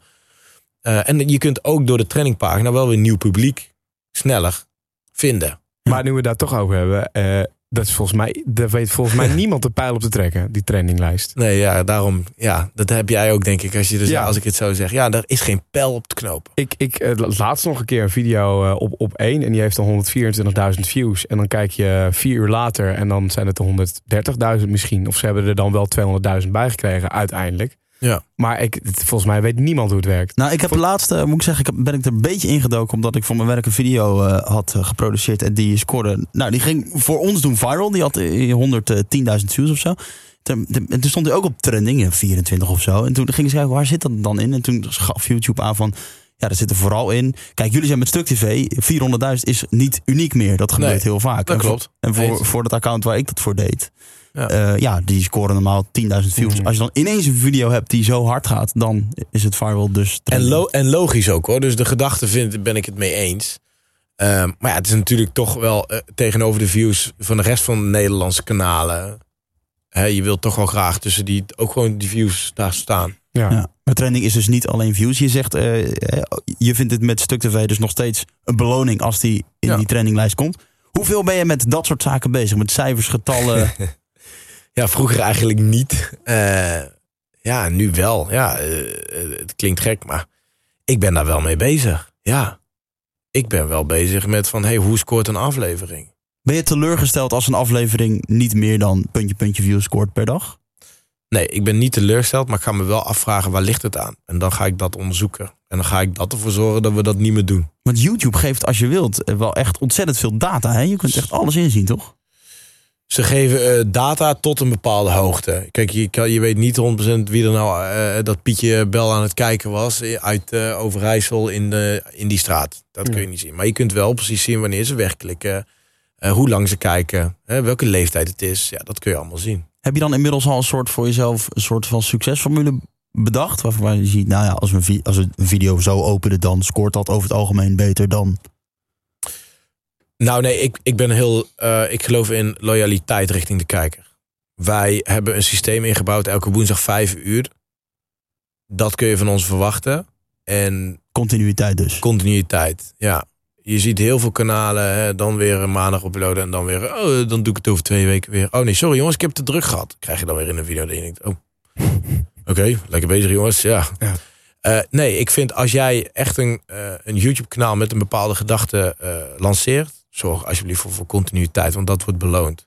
De Ja. kijker, hè, we- we- tuurlijk, wij hebben er wel een trouwe fanbase die echt gewoon helemaal klaar zit om vijf uur. Wat ik echt heel bizar vind, want de tijd, dat legde ik dus net uit. Ja, iedereen wil gewoon kijken wanneer die wil kijken. Maar we hebben het toch voor elkaar gekregen dat er mensen om vijf uur op woensdag zitten te kijken. Hongerig zitten ze eh, met een telefoontje Ja. in hun hand eh, op, op de bank eh, te wachten totdat hij weer online komt. Ja, Nou, Ja. nou heb ik ook een eh, vraag binnengekregen van eh, Henk Bos. Die, eh, die stelt de vraag, joh, YouTube wereldwijd. Waarom kiezen jullie ervoor om alleen succes in Nederland te hebben? En niet ook in het buitenland? hele goede vraag. Ik, eh, ik loop hier al wel al, eh, nou, zeker twee jaar mee. Ehm, maar dat is als jij, je moet ook even nadenken. Ik wil eerst de Nederlandse weg goed bewandelen. Ehm, want als ik me nu helemaal volledig stort wereldwijd, is dat wel echt heel moeilijk. Want zoveel kanalen. Besef even, dan, dan, Ja. dan moet je dus met heel de wereld eigenlijk soort eh, gaan concurreren. En dan moet je ook de juiste ingangen zien te vinden. Want dan moet je wel echt met iemand gaan werken die je meteen bam views kan geven. Want ja, alleen kom je er niet. Dat is gewoon zo. Alleen kom je er niet wereldwijd. Heb je een soortgelijk eh, format al ergens anders ontdekt? Als Stuk TV, ergens anders in de wereld? Nee, nee, het is wel echt eh, wat ik tot nu toe heb gezien. Zijn wij nog wel de enige. Want jullie doen op YouTube iets best wel unieks ten opzichte van heel veel andere succesvolle YouTube-kanalen. eh, want dat zijn vaak dan echt vloggers. En jullie maken eigenlijk, ja. Ja. als ik zeg jullie maken tv, dan beledig ik je misschien. Maar jullie maken echt programma's, formats. Ja. Dat is best wel uniek Nou, dat is precies wat ik, eh, wat ik juist wil eh, geven. Dus wat jij juist zegt, vind ik juist een compliment. Ik wil alleen maar soort programma's blijven maken. En ja, ik, ik ben er altijd over, eh, eerlijk over geweest. Ik vind vloggen een simpele manier van content maken. En dat is gewoon, het is gewoon niet mijn manier. Ik vind het gewoon te makkelijk. Maar als je dan bijvoorbeeld een Casey Neistat ziet, eh, heel bekend eh, YouTuber, eh, Ja. vlogger. Wat vind je van, van zijn dingen die hij maakt? Nou, ik kijk, het? ik kijk het amper. Oké. Nee, ja, het, hij maakt het wel op een toffe manier. De edit skills, hè, zijn humor. de, de, de onderwerpen die hij brengt zijn heel, heel tof. Hè? Inderdaad, in een vliegtuig zitten als je de business class... Iedereen wil wel eens zien hoe de business class is van Emirates toestel, toch? Maar de rest van zijn eh, dingen kijk ik allemaal niet. Nee, nee het, boeit, het boeit me ook gewoon heel vrij weinig om iemands leven te zien. Ehm, over iemands leven eh, zien gesproken. Ja. Ik eh, ben wel benieuwd hoe een week van, eh, van Giel de Winter eruit ziet. Als we eens kijken naar deze week. Kun je het Ja. dan nog... Kun je het dan nog eh, Gewoon je aan, de hand van de agenda. Moet ik heel even mijn agenda erbij pakken. Ehm, nou, ik heb vandaag dus opnames gehad. Ehm, en ik, heb, ik zit dus nu hier. Morgen heb ik een afspraak bij eh, Warner. Voor eh, muziek. Wat, eh, wat gaat er bij eh, Warner besproken worden? Nou, wij zijn bezig met een album. Dus dat moet er ook nog even uitgewerkt worden. Ehm, daarna heb ik nog twee afspraken. Dan heb ik een avondje vrij. Dus dat is ook wat lekker. Dan heb ik donderdag heb ik een ochtendbezoek. Andere kant van Nederland om half tien in, nou, voor, een, voor een nieuw pro- programma. Wil ik een locatiebezoekje brengen. S'avonds heb ik midden in de nacht heb ik opnames. Volgende dag heb ik twee afspraken. En dan zaterdag en zondag heb ik shows. En dan begint maandag weer de nieuwe week. Maar je hebt wel iemand die je agenda beheert, denk ik. Hè? Want je, je hebt gewoon een manager ook tegenwoordig. Ja, nee, ik heb wel eh, ik heb een heel fijn managementbureau. Ja, ik zit eh, sinds twee jaar bij Ali, bij Spec. En eh, nou, ja. Shout-out gaat- naar vrouwtje. Shout-out, echt een dikke shout-out naar Vrouwtje en Brecht. Ja, nee, dat gaat echt, eh, gaat echt goed. Maar dan ben je ook wel de controle kwijt. Want je vindt het... Tenminste, je hebt volgens mij aangegeven dat je het wel leuk vindt om hier te zitten. Ja. Eh, dus in hoeverre bepaal je dat nog zelf? Of is het gewoon... nee, die controle hou ik nog zelf. Nee, daar ben ik echt wel een, een, pitbull op.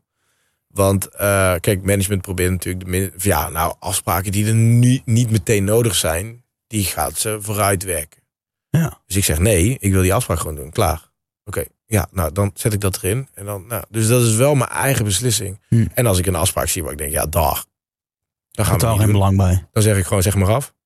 Dan ben ik echt een bol. Ja, kan ik daar best wel bot en, en streng in zijn. Maar nee, ik doe echt nog steeds wat ik zelf wil. Hoe Ja. moeilijk is het om, ehm, om in het begin van je carrière nog alles zelf te doen? Zelf met die camera sjouwen, zelf met die statieven overal naartoe, zelf editen. Ja. Ehm, en dat op een gegeven moment komt er een punt dat je één voor één alles moet loslaten. En dan tegelijkertijd ook alles wil, wil vasthouden. Ja, dat is, dat is een heftig dingetje.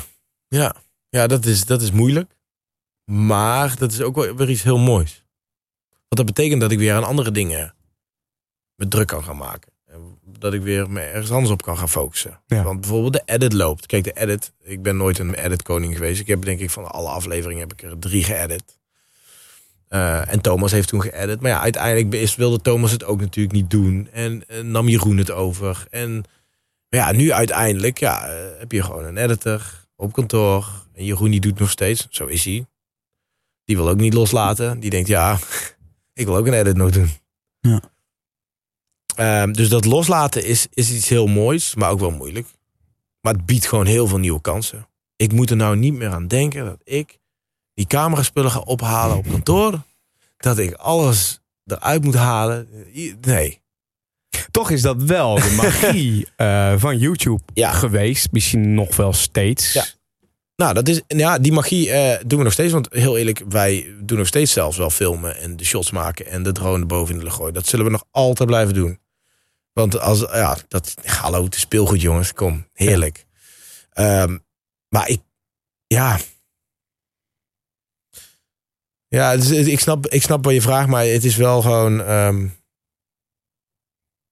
ik ben er echt over na het denken, jongens. Hoe, hoe, ik dat, hoe ik dat doe, maar... Ja, ik vind het nog steeds heerlijk om te doen. Maar om nou die cameraspullen op kantoor op te gaan halen, nee. Nee, Nee. maar dat snap ik. Want je wil op een gegeven moment ook met het creatieve plaatje alleen in je hoofd bezig zijn. En Ja. op het moment dat je alles daaromheen nog moet doen, zul je dat ook moeten uitbesteden. Maar je lijkt me nou niet iemand die dat heel makkelijk kan. Nee. Nee, nee. Nee, want als we een programma bijvoorbeeld... eh, nu, nu gaan we in, in, in december weer een nieuw programma maken. Moet op, moet op de buis eigenlijk, op, op het kanaal. Ja, dan heb ik wel een bepaalde visie over dit soort shots. En dit soort mensen wil ik erin. En, en dit soort eh, muziek wil ik erin. Zelfs met de muziek ben ik nu al bezig. Dus ja, dat kan ik al niet loslaten. Dus, Hey, eh, die, die muziek, je zegt net tussen neus en lippen door eh, Stuk TV album. ja. Is dat, volgens mij is dat ook überhaupt nog niet heel erg groot bekendgemaakt, toch? Nee. Nee, dat is nog niet heel groot bekendgemaakt. Nee. Maar, maar wat, ja, maak ons warm. Eh, kijk, we, we kennen de tracks die, eh, eh, die jullie uitbrengen. En, eh, ehm, maar een album, wat, wat moet dat gaan worden? Dat is ook weer, dat is ook weer zo'n ambitie waarvan ik denk... Mijn hemel, je hebt al zoveel, ben je zo druk met alles en nog wat. En Ja. dan ook nog een album. Ja. Ja, ik vind het gewoon leuk. Ik heb me altijd bezig gehouden met muziek. Dus ja, dan denk ik ook, ook oh, dat vind ik ook wel leuk om te doen. Je doet zo ongelooflijk veel. Ik zit echt met verbazing. En Jordi zei het al, we refereren ook naar Linda's, eh, Linda's mannen... waar je Ja. eh, een, een uitzending eh, mee hebt gemaakt, over jou is gemaakt. Je doet zoveel. De, ben je wel eens geknakt? Nee. Tuurlijk, tuurlijk knak je wel eens, jongens. Iedereen knakt. Tuurlijk. Maar ik probeer mezelf wel overeind te houden. Ja, ik heb eh mental coach. Ik wil sporten. Want als ik niet sport, dan knak ik. Ik moet, ik moet vier keer in de week, vijf keer in de week sporten. Je zegt je hebt een mental coach. Daar ga je dan één keer per week ook heen? Of? Mm, Ja, die spreek ik wel één keer per week. Maar nou, die zie ik één keer in de twee maanden. Maar verder hebben we wel telefonisch contact. Wat, wat, wat bespreek je met zo'n Alles. mental coach? Alles. Waar ik alleen maar mee zit. Echt Onzekerheden tot, tot eh, eh, moeilijke dingen. Ik zeg het gewoon tegen hem. Ben je onzeker? Ja. Ja, als ik dan zo naar jou kijk, dan denk ik, ja, volgens mij is die de meest zelfverzekerde man eh, die ik, eh, die ik nee. de hand heb geschud. Maar Nee, nee, dat is. Dat is, dat is ik, vond, ik vond het wel grappig, want ik zat straks eh, met, eh met Stefan hier natuurlijk in de auto. En Stefan die zegt: Ja, ik ga toch iets zeggen. Ja, dan lijk je aan de buitenwereld lijk je, eh, niet eh, eh, eh, onzeker, maar jij bent wel ook onzeker. Ik zeg: Ja, duh. Dus ja, dat, is, dat hoort er toch bij. Mensen zijn onzeker. Jongens, elk mens is onzeker. En ik denk dat ik gewoon eerlijk kan zeggen dat ik echt soms tering onzeker kan zijn. waarover? Eh, pff, nou, mijn uiterlijk, of ik wel dingen goed kan doen, of ik het wel goed doe, of ik eh, deze podcast, hoe die naar buiten wordt, hoe, hoe mensen dit gaan vinden. Ik kan me daar best wel druk over maken. Vind je ook dat je daarin een. eh, je, ja, je hebt gewoon veel volgers. Eh, vind je ook Ja. dat je daarin een soort van voorbeeldfunctie hebt? Dat soort dingen bespreekbaar te maken? Ja, ik mag altijd tegen mijn, ik mag, ik mag tegen mijn manager altijd, die zegt dat, ja, Giel, je hebt een voorbeeldfunctie. Maar ik denk ook bij mezelf, nou, ik, ik hoef me niet, nee, soms niet. Nee, ik heb niet echt een voorbeeldfunctie, vind ik. Klinkt heel heftig. Maar ik, weet, ik ben me van bewust dat ik bepaalde dingen niet meer kan doen in het dagelijks leven. Daar ben ik me van bewust. Maar ik ben niet, ik, ik moet me niet druk gaan maken, bijvoorbeeld als ouders die gaan zeggen tegen mij, ja, je bent aan het schelden in afleveringen. Dat kan echt niet. Nee. Dan zeg ik, oké, wacht even. Is, het dat, is dat mijn schuld of is het jouw schuld omdat jij je kind op de bank duwt en je een iPad geeft in de handen en dan lekker gaat, en lekker gaat koken en niet weet wat je kind aan het kijken is? Is het dan mijn schuld? Nou, dus ik heb een, ik weet dat ik een bepaalde voorbeeldfunctie heb, maar of ik me daar aan wil houden, nee. Ik denk ook dat het een, een beetje te maken heeft met naïviteit, toch, van ouders. Ik bedoel, het is iets wat volgens mij van elke generatie is. Vroeger in rapmuziek, tegenwoordig in rapmuziek. Iedereen moet maar een voorbeeldfunctie hebben. Maar volgens mij, het- ja, ben je als ouder verantwoordelijk voor, voor je kind. Ja, nou precies, die dat merkt- vind ik ook. Die merkt volgens mij toch overal wel, eh, hoort toch wel iemand schelden. En krijgt het toch allemaal mee. En hoe verkeerd is het dat, dat een kind iemand hoort schelden? Vraag ik me ook wel eens af eigenlijk. Ja. Ja, goed, ik snap wel wat je zegt. Tuurlijk, ik bedoel, ja, eh, jij, jij, jij maakt dingen en eh, ja, het is aan een ander om te bepalen of hij er wel of niet naar kijkt. Of naar de ouders in ieder geval. De ouders kunnen dat bepalen. Mijn kind mag er wel of niet naar kijken. Ja. Ja, nou, dat, dat, ik, vind het, ik vind het echt zo. Ja, ik, blijf, ik blijf dat altijd vinden. En natuurlijk, ik moet altijd zeggen, juist heel netjes. En ja, nee, ik heb een voorbeeldfunctie. Dus nee, ik mag bepaalde dingen niet doen. Ja, en als je altijd alleen maar binnen de lijntjes kleurt, ik bedoel, ja, hoe interessant is het dan nog? Ik vind Stuk TV is groot geworden doordat ze niet binnen de lijntjes aan het werken zijn. Wij hebben zoveel dingen gedaan die, niet, die, die, die God verboden heeft. Maar toch altijd wel op een soort van, met een soort van sympathie of zo. Eh, ja. Ja tot, ja, tot wel een bepaalde hoogte. Ja, ik heb inderdaad, ik vind dat altijd, Thomas zegt dat altijd heel mooi. Nou, als er, maar andere mensen niet te dupe worden van onze aflevering. Nee, dat vind ik netjes, hè? Terwijl ik denk heel eerlijk, ik kijk even de, af, de laatste afleveringen gewoon. Nou, kijk, als wij inbreken bij een dierentuin, ja, dan is er wel iemand te dupe hoor, kan ik je vertellen. Ja, precies. Maar het is niet dat jullie daar de boel slopen. Nee, of dat- weet ik wij gaan niet zomaar de boel slopen, nee, nee, absoluut Kijk, je rent in de sumo-park door een trein heen. En dat is, ja, de NS is er ook niet blij mee. Maar ja, weet je, boeien. Het toch? is toch gewoon, jongens, het is toch gewoon de dagelijkse sleur een beetje door de breek. Als ik zo om me heen kijk, de wereld is zo fucking serieus. Het is echt, als ik al een scheet laat bij gewoon eh, in een supermarkt, als ik sta te wachten om een broodje af te rekenen en iemand die kijkt me meteen boos aan, dan denk ik, yo, maak jij je al druk om een scheet. Ja. Ja, snap je? Dus mensen die zijn al zo snel op hun teentje getrapt. Ja, en, en, en ik denk gewoon heerlijk jongens. Kom op, geniet gewoon van het leven. Kijk even hoe mooi het is. Als ik, ik heb zoveel dingen gezien nu in de wereld. En, en dat is het mooie met stuk. Maar elke keer als ik in Nederland kom, denk ik... jongens, wat hebben we toch fantastisch goed. Maar er zijn toch mensen die altijd aan het zeiken zijn. En aan het zeuren. En dit. En dat, dat, dat zit in de mens. Maar hou toch op alsjeblieft. Als ik toch met een zoom worstel pak door de trein wil rennen... Ja. dan denk ik bij ja, lach het erom. En Ja. als je niet in beeld wil, nou dan eh, trek je je jas over je hoofd. Is dat ook het doel van Stuk TV? Om een beetje de dagelijkse sleuren te doorbreken? Ja, dat zeg ik altijd. Ja. Ja, gewoon leuke dingen doen. Ja, het is toch heerlijk om een keer gewoon eh, in je boxjes wat boodschappen te doen. Ja, ja nee, het is waar, ja. Ehm, Ja. ik, ik ga er weer even een uh, luisteraarvraag in, eh, in gooien. Ook een fan van, eh, van Stuk TV. Ehm, stel Thomas en of Stefan kapte mee. Dat vraagt, eh, nou dan moet ik even goed de naam zeggen hoor. Dwij Vermaassen op Instagram. Mhm. Of Dwee. Eh, stel Thomas en Stefan kappen ermee. Of eh, beide, of een van beide. Wat, wat, wat gebeurt er dan? Wat doe je dan? Ehm, nou, eerst allereerst zou ik een goed gesprek met ze hebben. En ik zou ze het, het allerbeste wensen in de, in de hele toekomst. Eh, maar ik zou dan snel wel weer overgaan op het vernieuwen van het kanaal. Ik zou er inderdaad wel gewoon meteen eh, nieuwe gasten bij gaan zoeken. Ja, Dat wel. Dat is het zeker, ja. Maar dat- je blijft wel altijd bij die drie. Of ben je nu ook wel op zoek soms naar nieuwe gasten? Dat je iemand op YouTube tegenkomt en denkt, nou, dit, die gasten kan ik wel op mee. Ja, ik hou wel mensen in de gaten. En als ik vind dat ik een keer eh, moet gaan bijten, dan doe ik dat wel. Maar dan zou ik dat weer bijten om de stuk family groter te maken. Kijk, ik heb ook altijd gezegd, ik wil heel graag hè, een stuk familieband groter maken. Dus je hebt een stuk kanaal, maar ik zou heel graag andere kanalen die zeg maar in ons geloven. En wij in hun een soort familieband zoeken. Hm. Dus wij ondersteunen hun, hun ondersteunen ons. En, en, en wanneer komt voor jou het moment dat je denkt... eh, ik ga misschien achter de schermen werken, formats maken? Ja. Of wil je je hele leven voor de, voor de schermen blijven? Nee, ik, ik, ik zou, wat ik met stuk zou dus willen doen om de vraag te antwoorden: wat zou je doen als Thomas en Steven weggaan? Dan om zo snel mogelijk hè, een nieuw eh, eh, trio te zoeken. Die ik wel opleid met de juiste eh, visie, de, de gedachten waar mensen echt niet eh, teleurgesteld in gaan worden. En dan gaan we daarin mee verder. En dan ben ik ook weg. Blijft dat op YouTube? Want eh, dan kom ik misschien bij, bij de hoofdvraag die we in het begin ook al hebben geroepen.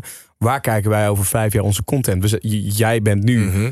qua inkomsten, qua werk afhankelijk van YouTube. Ja. Een partij waar je inderdaad dan wel nauw contact mee kan hebben als je dat wil. Mhm. Maar het blijkt me toch ergens eng. Waar kijken we dan over vijf jaar onze content? Is dat nog steeds op YouTube? Is dat wel weer op tv? Of... Nee, dat is op het internet. En ehm, het internet is zo immens groot. En internet is nog zo zoekende. Zelfs dat, voor niemand is dat heel duidelijk. Dat ik over vijf jaar nog uitzend op YouTube is een hele grote kans. Die kans is zeker aanwezig. Want een YouTube is zo'n sterke partij momenteel. Dus ja. ik geloof dat ik over vijf jaar nog op YouTube uitzend. Maar wat het internet gaat doen, dat weet niemand. Het Hm. internet groeit elke dag. Zo bizar met nieuwe dingen. Kijk, dat Instagram TV laatst is ook weer ineens ge- uitgepoept, jongen. Dat ik denk, yo, oké, dat is ook weer. Dus Voel je dan ook de druk om, om gelijk te denken, oké, ik moet hier op mee, in meedoen? nee, ik ben nog steeds niet meegegaan. Omdat ik, omdat ik gewoon, eh, omdat ik denk, ja, nee, ik, YouTube, daar zend ik op uit. Daar ga je maar naartoe. Want dat is wildgroei, hè, wat je anders gaat maken. hey, ga ook nog even naar mijn Instagram TV. Ga ook nog even naar YouTube. Dat zie ik ook heel veel influencers doen. Oh, ik heb Twitter, ik heb Instagram, ik heb eh, Overal. overal. Op paniek misschien om een beetje de Ja. boot te missen. En jullie zijn natuurlijk zo groot dat je kunt zeggen, ja jongens, je bekijkt het maar. Wij staan hier en we blijven hier. eh, dikke doei, je gaat maar naar, naar YouTube. Ja. Daar, daar zijn onze abonnees, daar is ons bereik. Dus nee, ik ga niet ineens zeggen... hey, hallo, eh, ik heb nu een Snapchat-video geplaatst. Ik- Snapchat doe ik ook al niet. Nee, nee. Nog even terug, want eh, die vraag die hing net wel even boven mijn hoofd. Ehm, is het wel eens überhaupt ter sprake gekomen dat eh, of eh, eh, Thomas of Stefan heeft gezegd, eh, ik stop ermee? Nee, en, het, en dat vind ik nog steeds heel, eh, heel, heel mooi eh, en dankbaar eh, dingetje. Ik moet ook zeggen dat, dat ik... Thomas en Stefan zijn, zijn, zijn twee fantastische gasten. En wat wij doen is ook echt wat vrienden doen. Wij kunnen het zo ontzettend goed vinden met elkaar. En ik geloof ook echt in het feit dat we dit succes met, met meerdere mensen doen. Hun zijn onderdeel van het succes. En behandel ze en respecteer ze dan. Thomas die wilde laatst bijvoorbeeld ook een programma maken voor zijn kanaal Hart. ik ben de eerste die zegt dat moet hij gewoon doen, die jongen. Hij moet gewoon zijn passie achterna. En als je elkaar daarin de vrijheid geeft, ehm, dan werkt dat. En ja, als Stefan zegt, yo, ik voel me even niet lekker of ik heb dat. Nou, joh, prima, dan hebben we het erover. Maar wij zijn wel gewoon echt een goed team. Dat merk ik aan alles. Wij hebben alleen maar humor. Ik heb laatst ook een serie opgenomen, twee weken in het buitenland. Ik heb alleen maar gelachen. Ik kwam thuis en er stond bij mij zo'n big smile op mijn gezicht. Ik wilde de gast even niet meer zien. Maar ik dacht wel, wauw, wat een topweek heb ik gehad. Dat is best wel knap, want dit- hier Ja. begonnen we aan het begin van de podcast mee. Maar je hebt ooit gewoon een vacature de deur uit gedaan. Ja. Het Giel is de toch- Winter, als, eh, toen misschien al voor de naam Stuk TV, die had je Ja. al in je hoofd toen. Ja. En, en gewoon, hoe, hoe zag dat eruit dan? In de lokale dagbladen? Of, eh, Nee, via filmvacatures.nl. Ah ja, dit heb ik ook eens gehoord, ja. Ja, en dat, dat, daar hadden. En Stefan, die had natuurlijk weer eh, veel te laat gereageerd. En, eh, maar dat. Hoeveel reacties kwamen er überhaupt op binnen? Honderden? Nee, ja, er, nou, ja, er waren wel 100 vacatures opgekomen. Zoiets, ja, 100 reacties. En uiteindelijk heb ik daar 15, 10 mensen auditie laten doen. Hoe zag die auditie eruit? Ja, we gaan, in dit dat is een beetje, we gaan even helemaal terug Nee, ja, naar dat begin. staat op maar- stuk, maar iedereen moest even iets doen in het centrum, iets geks. En eh, nou, die kregen een opdracht van ons. En dan gingen wij kijken. En, en uit, aanvankelijk van de kijker eh, wie ze het leuk vonden. Nou, nu het 2018 en hebben jullie gewoon 1,8 miljoen abonnees. Holy shit, dat wat ik al, ook al eerder zei. Ja, dat is, daar ik had het- ieder tv-kanaal iets, is er toch een stik jaloers op. Ja, dat is het ook. Iedereen is. Ja, ik weet niet of het een stukje jaloers zijn, maar ik zou het wel zijn, ja. Ja. Tuurlijk. Maar ik, ja, ik vind het ook nog zoiets, zoiets onwerkelijks, jongens. Jongens, ik ben 28 en het, het, is, crazy als jij een kanaal van 1,8 miljoen abonnees onder je reet hebt zitten. Met een fantastisch team om je heen.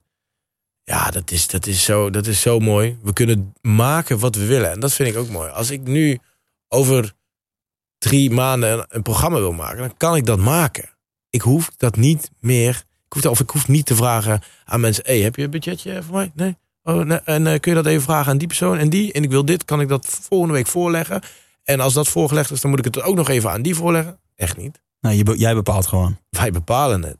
En dat is het mooie van het hele, het hele, ja, ik zeg het maar gewoon, een imperium wat we hebben. We kunnen het gewoon doen. Heeft commercie wel eens jouw creativiteit in de weg gezeten? Dat je dacht, ja, ik moet die klant te vriend houden, maar ja, dan moet ik dit en dit zeggen. Daar heb ik helemaal geen zin in. Nee. Nee. Nee? Nee, dat, nee, dat is nog nooit gebeurd. Nee. Heb je wel eens ruzie gehad met een eh, klant? Die achteraf niet zo blij was met wat je... Eh, nee, eigenlijk niet. Ik zit te denken, nou ja, natuurlijk brief je van tevoren wel goed richting de klant wat je gaat doen. Maar als ik iets wil, niet wil doen, dan doe ik het niet. Nee. Nee. Ik ben wel meestal best wel vrij eh, richting de klant van jongens, dat kan en dat kan niet. Dus natuurlijk zegt een klant, oh wil je dit doen en wil je dat doen en doe. Nee, nee, nee. Dit is bij ons de regel en dat mag je doen. En dat doen we voor je. Je verkoopt meer nee dan ja, als ik het zo hoor. Ja, dat klopt. Ja, maar ja, wat, wat, zou jij, wat zou jij doen als jij een aflever, één aflevering op stuk kan laten maken? En voor jouw bedrijf. Dan zou je toch ook het liefst zo vaak mogelijk je naam. Ja, nou, natuurlijk, zo werkt het. Kijk, maar bijvoorbeeld als ik kijk naar het jachtseizoen. Dat is, de tweede se- seizoen is dat gesponsord door Samsung. Maar dat is zo'n goede klik. Want wij moeten die producten gebruiken voor het programma. Dat deden wij in het eerste seizoen ook al. Dus ja, die fit is fantastisch. Je moet ook goed zoeken naar welke sponsor past heel goed bij het programma. Wie kan jou hierbij helpen? En heb je dan heel veel meetings hierover? Of is het eh, een meeting die door andere mensen wordt gedaan en jij wordt even gebeld tijdens die meeting? Giel, we hebben dit liggen. Vind je dit tof? Nee, oké, we gaan door. eh. Nee, of nee echt ik, bij zit, heel veel meetings? ik zit zelf bij, eh, bij de grote series wel. Bij Mentos eh, of uh, Jachtseizoen. Andere programma's die ik wil maken. Daar zit ik ook echt bij. Met de klant. Maar één special, zeg maar. Als één aflevering op het kanaal. Ja, daar heb ik nu ook wel van gezegd. Yo, stuur mij de briefing door. Ja. Dan doen we desnoods even een telefonische bespreking. Of ik kom een keer naar je toe. Als het echt niet is. Maar het liefst wil ik het telefonisch doen. Want dan kunnen we ook door. Want het is één aflevering. Ja, als wij al een duidelijke briefing sturen. Hun sturen een briefing. Wij sturen een script. Hun zeggen script is akkoord. Go. Want hoe ontstaat, uh, een, een, een, dat is misschien wel mooi uh, om nu, nu te stellen. Hoe ontstaat een format? Hoe, hoe bedenk je een jachtseizoen? Ja, is in het hoofd begonnen. Dat is... Bij jou of bij een van die andere gasten? Nee, dat is, uh, dat is bij mij begonnen. Ja. Dat is toen eh, de kijker, ja, dat is ook door middel van een kijker, maar dat is de kijker die wilde dat, eh, dat een van de drie presentatoren zou worden achtervolgd door de andere twee. Nou, ik trok een boevenpak aan. Twee gasten hadden, ik, hadden we een bus gegeven met honden en jullie mochten gewoon mij zoeken. Dat was het. Maar die aflevering die scoorde zo immens hard. En ik dacht, nou ja, wow, hier moeten we iets mee doen. Ja. Dit is goud. Dus dit hebben we uitgewerkt. En daarop kwam het jachtseizoen uit. Waarbij we dus drie gasten van stuk gaan jagen op een bekende Nederlander. En dat is gewoon zo verder helemaal uitbedacht, uitgevoerd. En zo is dat ontstaan. Ja, we hadden het eh, eh, net ook even over de podcast met Erland. En daarin eh, legt hij uit hoe de Voice of Holland ontstaat. Dat duurt dan twee jaar. Gaat bij YouTube, bij, bij jullie gaat het een stuk sneller, denk ik. Ja, dat gaat bij ons wel sneller. Ja, zeker. Nee, klopt. Ja, nee, ik heb in april heb ik gezeten met een eh, potentiële sponsor voor een nieuw programma in december. En eh, dat is er eh, een maand geleden is dat er al doorheen. Wat gaat het worden? Mag ik echt nog niks over zeggen. Ik het, is echt, het, is wel, het is wel iets waar ik. wat ik hoop dat het groter wordt dan, de, dan, dan, dan het jachtseizoen. Ik, eh, Ja. dat ga ik ook even gelijk een eh, vraag van een fan tussendoor stellen hoor. Ik weet het zo niet, ik heb heel veel fans Ja, eh, op me afgekregen. ja, nee, ja. Dankjewel nog daarvoor, leuk. Ehm, maar eh, heel veel mensen vroegen, komt er nog een nieuw jachtseizoen? Ik denk, nou, dit is- Zeker, er komt nog een nieuw We gaan het over eh, twee weken opnemen. Dus, Leuk. eh, Met? met? Nou, Ja? met Thomas en Steven zijn er ook. Ja, ja, ja, ja. ja, ja. Toch proberen. Toch een beetje de journalist. heb, je, heb je nog leuke namen die, eh, die je wil zien? Zo. Nou, nee, dat, oeh, dat zou ik zo niet weten. Nee. Nee. nee. ik vind het sowieso, ik vind het programma aan zich vind ik gewoon te gek. En wie er dan per se als, eh, als gast in zit. Nee. Ik vind het concept gewoon super lachen. Nou, dat vind ik al, eh, in ieder geval al leuk om te horen. Ik ben ook altijd wel bezig van, ik wil ook leuke gasten erin hebben. Ja. Heb je zelf nog een verlanglijstje? Ja, je, je bent wel, eh, je bent wel goed aan het uitvoeren. Nee, ja, natuurlijk heb ik een verlanglijstje. Ik wil al heel graag Leo Kleine. Dat, die wil ik gewoon al zo lang in, in, in jachtseizoen. Maar zijn agenda is natuurlijk ook druk. Hij heeft veel shows. En we gaan het nu ook nog eens in juli opnemen. Dus ik ben ermee bezig. Ehm, ja, dat, dat, dat, dat staat al wel heel lang op mijn lijstje. En, eh, Max Verstappen. Zou ik er heel graag in willen. Ja, laat je maar eens een racewagen Ja, ik zeggen, weet niet of je die bijhoudt. Maar, Nee, ja, dat maakt mij niet uit. Hij doet mee dan. Nee. Ja. Maar eh, oké, ik, heb, ik heb heel veel dingen gehoord waar je onwijs trots op bent. En eh, eh, goed recht ook, want het zijn ook heel veel dingen. Maar wat is nou in de afgelopen vijf jaar iets waarvan jij zegt van ja, daar heb ik echt spijt van? Ik heb een serie gemaakt. ehm, en dat heeft het minst gescoord. En daar ben ik ook niet zo heel blij mee. Nou, dat was het programma Zomernachten. En ehm, nee, dat ben ik, vond ik achteraf jammer. Dan ga je ook wel weer op je bek. Ik vond het jammer dat... eh, ja, dat vond ik meer jammer. Ja, bepaalde afleveringen die je maakt waar je denkt... Ja, daar ben ik gewoon, die wil ik gewoon niet meer zien. Tuurlijk, jongens, in de afgelopen vijf jaar... Die vraag vind ik ook zo moeilijk. Ja, wat vind je, niet, wat vind je er niet goed aan? Er gaat zoveel niet goed. Ik kan elke aflevering wel er iets van zeggen wat ik niet goed vind.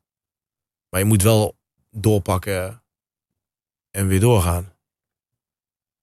Maar nee, ja, ik heb wel eens een serie gemaakt waar ik dacht, nee, dat kan beter. Ook vorig jaar, eh Eight Friends, die serie.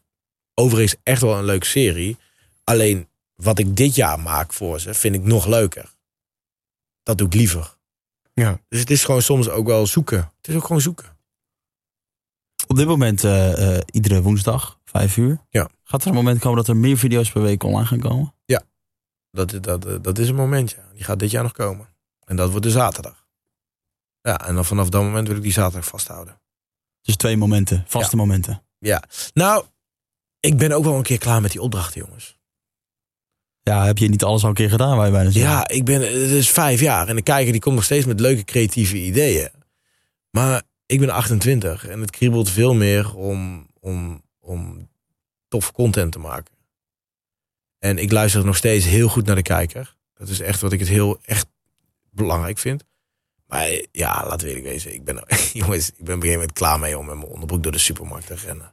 Ja, nou ja, ik vind het genieten. Dat, eh, dat mag duidelijk zijn. Ja. Hey, en, eh, en dat eh, album, de muziekkant van, eh, van Stuk TV. Ja. Wat gaan we daarvan verwachten en wanneer kunnen we dat eh, beluisteren? Ja, dat vind ik lastig, want dat is dus door alle drukte verschuift dat elke keer. Ehm, maar ik hoop nog wel dit jaar. Maar wat voor album moet dat gaan worden? Nee, het wordt wel gewoon echt een, een, een, een partyalbum. Ja. Ja. Wel echt gewoon voor festivals. Het, het, het is, het is niet er aan mij eigen, aan, echt aan gelegen om een, echt een radio eh, track te droppen. Tuurlijk gaan we dat wel proberen, maar En met, met, met artiesten erbij op? zeker. En met welke? Ja, nee, dat kan, nee, ik heb echt nog daarin beloofd om echt wel even, even nog me stil te houden. Ook omdat alles nog niet meteen rond is. Nee. Dus ik wil daar ook gewoon voorzichtig in zijn. Zo meteen zeg ik dingen en dan zeg ze, oh wat leuk. En dan, oh nee. Wat, wat ik wel knap vind aan eh, wat ik nu dan, zeg maar, de- deze podcast hoor, dit gesprek met jou hoor, is dat het lijkt alsof je niet bang bent om risico's te nemen. Nee. Ik kan me namelijk voorstellen dat er een moment komt dat je denkt, oké, dit scoort hoog, dit gaat goed, ik krijg complimenten, we krijgen prijzen, we krijgen meer abonnees erbij. Eh, we worden uitverkocht in elk land, weet je wel? Of eh, Mhm. in, in, in elke stad in Nederland waar we komen. Moet, Kan het nog moet kapot? beter, moet beter. De lat moet hoger, de lat moet hoger. Kut creativiteit blok. Eh, we kunnen niet meer bedenken omdat we geen risico meer durven te nemen. Kan ik me voorstellen. nee. Nee, Dat lijkt, ja, je zegt Nee. zelf, ik ben wel eens onzeker. Maar nogmaals, het is een beetje alsof je zegt, van, ja, ik ben, ik ben onsterfelijk of zo. Oh nee, oh jongens, ik voel me helemaal niet onsterfelijk. Nee, ik bedoel, je neemt inderdaad veel risico's. Ja. Alles lijkt te lukken. Ja, maar dat is, vind ik ook wel, ehm, dat hoort gewoon ook een beetje bij het ondernemen. Ja, eh, jongens, tuurlijk heb ik ook ooit een keer mega veel geld uitgegeven aan iets dat ik denk, shit. Tuurlijk gaat er een camera soms kapot dat ik denk, kak. Ja. Dat kost veel geld. En, en dat moet weer naar de reparateur. En nu heb ik een editor, extra editor aangenomen. Die dan, die fulltime, weet je wel, is ook voor mij een gok. Om meteen weer iemand een heel maand salaris gewoon elke keer netjes te betalen. Dat is geen probleem, want nu gaat het goed. Maar je weet niet hoe dat over een jaar gaat. Geef iemand dan gewoon een jaarcontract? Ik heb diegene wel gewoon meteen een jaarcontract gegeven, ja. Zo. Ik dacht, let's go. Heb je vaker vacatures of niet? nou, weet ik niet. Als het gewoon zo doorgaat, wel. Nou, ze zoeken mensen met talent, Ruben. dus. Nou, nou, nou, nou, nou, nou, nou. nee, maar ehm, ik vind het wel even leuk om weer even een, eh, een luisteraarvraag in te gooien. Eh, Jonathan op Twitter. Heb je nog ideeën voor formats in je hoofd spoken die je al jaren hebt, maar nog nooit de kans hebt gehad ze te maken? Ik, misschien dat de vraag net al eh, gedeeltelijk beantwoord is. Ja, ik, ik loop nog steeds met heel veel dingen rond. Ja. Ik heb eh, een lijstje op mijn telefoon staan. En die, die lijstje die is nu... staan denk ik eh 80 formats op. Dus ik heb nog even te gaan. 80 formats. 80 formats, ja. Hoeveel eh haal het uiteindelijk, denk je? Nou, ik hoop het toch wel 10. Nou, dan eh, ben je vind de ik best wel netjes, nog wel toch? even, ja, maar niet dit jaar, maar dit voor wel. Ik hoop wel voor de komende drie, eh, drie tot vijf jaar dat we dat wel even allemaal kunnen, kunnen maken. Zijn het dan eh, formats die ontstaan door, door luisteraars? Want je zegt zelf, hè, die, die zijn heel belangrijk voor jou. Ja. Nou, die, die, die zijn ontstaan door middel van opdrachten die goed hebben gescoord. En dat je daar weer een twist in, in, in, in vindt. Maar dat is ook. We gaan meestal twee keer in het jaar gaan wij op, eh, op schrijverskamp. En dat schrijverskamp wordt muziek gemaakt. Maar er wordt ook meteen onze, onze, het hele kantoor leeggetrokken. Plop, iedereen moet de auto in. Hup, we huren een villa. Iedereen het goed heeft. Maar we gaan wel gewoon door blijven werken. En we hebben elke avond hebben wij creatieve sessies. Ja. En die creatieve sessies, dan kun je gewoon alles roepen wat je wil roepen. Want iedereen heeft lekker een biertje op. Dan word je de volgende dag ochtend wakker. En dan denk je, jezus jongens. Dat hebben wij gisteren allemaal opgeschreven. Maar dan zitten daar toch hele goede ideeën in. En die schrijf je op en die ga je verder uitwerken. Dus zo hebben wij wel ook gewoon onze eigen visie. We dachten van, hé, dit is wel tof. En dan kun je denken van, we maken eerst een pilot om te kijken hoe de kijker daarop reageert. Want dat is ook wel de kracht, weet je wel. Ik kan gewoon één aflevering maken en kijken of het scoort. Ja. Dan hoef ik niet meteen een hele serie eh, in te kopen, wat televisie dus wel meestal doet. Nou, dan kost het verhoudingsgewijs niet zoveel. En dan kijk je, wat doet het? Ja. Kijk, dat bijvoorbeeld het laatste programma op RTL Gordon en stel wordt gewoon volledig ingekocht. Wordt allemaal gedraaid, maar er wordt maar de helft uitgezonden. Hey, ja, en, en, zonde. En ehm, om toch even op jouw visie terug te komen over, nou ja, we hebben het heel veel over YouTube gehad en over, Mhm. over internet. Eh, je zit nu in een podcast. ja, Ik eh, zie, eh, om terug te komen op Casey Neistat, een man die eh, ook besluit om een podcast, inmiddels een podcast is begonnen. Nou, in Amerika is het ook misschien iets ander klimaat, want één op de vier Amerikanen luistert naar een podcast. Ja. eh, hoe denk jij daarover? Want je luistert volgens mij zelf ook heel veel. Ja, ik moet je eerlijk zeggen, ik heb de podcast eh, sinds eh, twee maanden echt, eh, ook echt gevonden. Het is gewoon heel heerlijk als ik in de auto zit. Gewoon dat, dat gaat getetter in je oren. Gewoon dat Ja. leuke gesprekken. Ehm, het is echt, ik vind het echt heel tof. Het is gewoon weer een nieuwe manier van radio maken. Ja, dat denk ik ook. Nou, het is Ja, een beetje de Netflix, denk ik, onder de audio. Hè? Ja, het is gewoon heerlijk om in de auto gewoon een podcastje aan te zetten. En gewoon je verstand op nul. Ik vind het gewoon echt, het, het is gewoon ontspannend. Zit er wat in voor Stuk TV? Ja, Stuk TV, dus TV Nou. misschien een gekke... Nou, weet ik niet. Nou, Ja, het is misschien het, het, het, het enige wat met podcast denk ik nog lastig is, dat is de jonge doelgroep. Dat, dat misschien Ja, de- de, weet je, de dit is een- stuk kijkers ja. het lastig, saai, langdradig vinden om naar een gesprek als dit te luisteren. Ik weet niet of ze het al volhouden tot, eh tot eh 1 uur en 10 minuten zouden we nu ongeveer zitten. Ja. Maar ik, ik acht de kans klein. Ik, ik acht de kans ook klein. Ja joh, je hebt hier wel gelijk in. Want ja, de jeugd is natuurlijk snel eh, hè, afgeleid. Dus ja, als, eh, als, er, eh, als iemand nu een podcast van 10 minuten aan het luisteren is... en er komt nu ineens een vriend binnengelopen... yo, laten we Fortnite spelen. Ja. Hup, hey, telefoon weg, hup, gaan gamen. Dus ja, maar... ehm, ja, voor, ik, ik doe het omdat ik het ontspannend vind. Dus dat is voor mij een nieuwe manier. Voor mij is dat gewoon waar ik heel rustig van word. Klinkt heel gek, maar Erland, Nee, shout-out naar jou en naar jullie. Maar ik heb tijdens eh, eh, het opnemen van die nieuwe serie, twee weken geleden, heb ik gewoon oortjes ingestopt. En ik heb de Jordi al, yo, geef me die podcast, want ik wil het luisteren.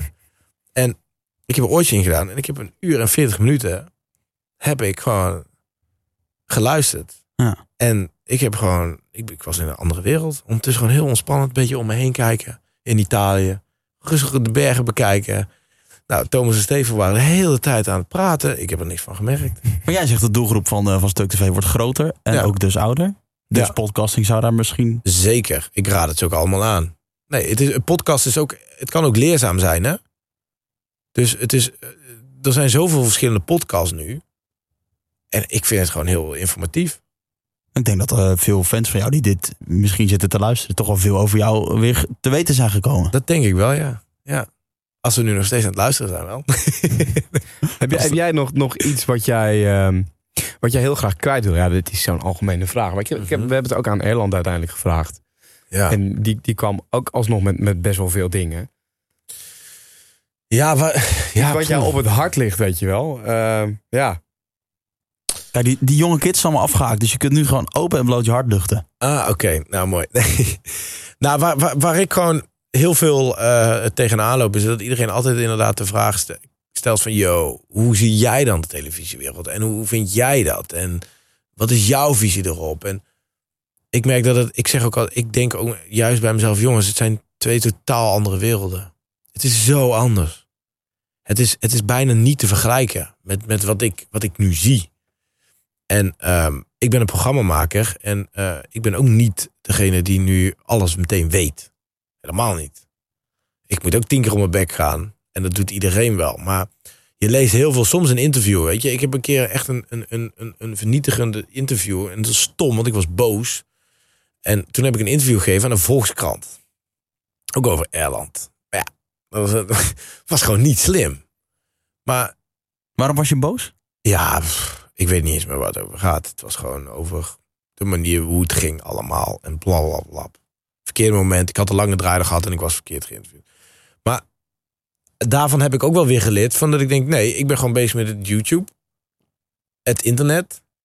En wat jullie doen op tv, hey, prima. Maar ik wens je succes. En natuurlijk heb ik mijn gedachten erover.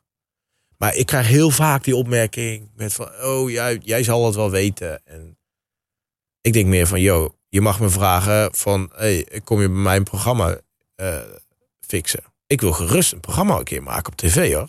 Hell yeah. Dat is nog niet gevraagd. Nee, Dat kan me niet voorstellen. nee, dat is nog nooit gevraagd. Waar ik gewoon, en dat is, dat is, dat is soms nog zo, nou, nee, woede niet of zo, maar dat is al lang uit de lucht gesproken. Maar dat is toch nog altijd een momentje die je zelf, die mij zelf persoonlijk heeft geraakt toen ik het jachtseizoen had bedacht. En ik had, klinkt ik had geld nodig. Ik had een, iemand nodig die dat programma ging financieren. En ik was net getekend bij RTL. En toen vroeg ik een gesprek aan. Van, willen jullie even luisteren naar mijn programma? Nou, toen heb ik dat verteld. Nou, we gaan het niet doen. En dit ging dan puur om YouTube of om... Puur om het jachtseizoen.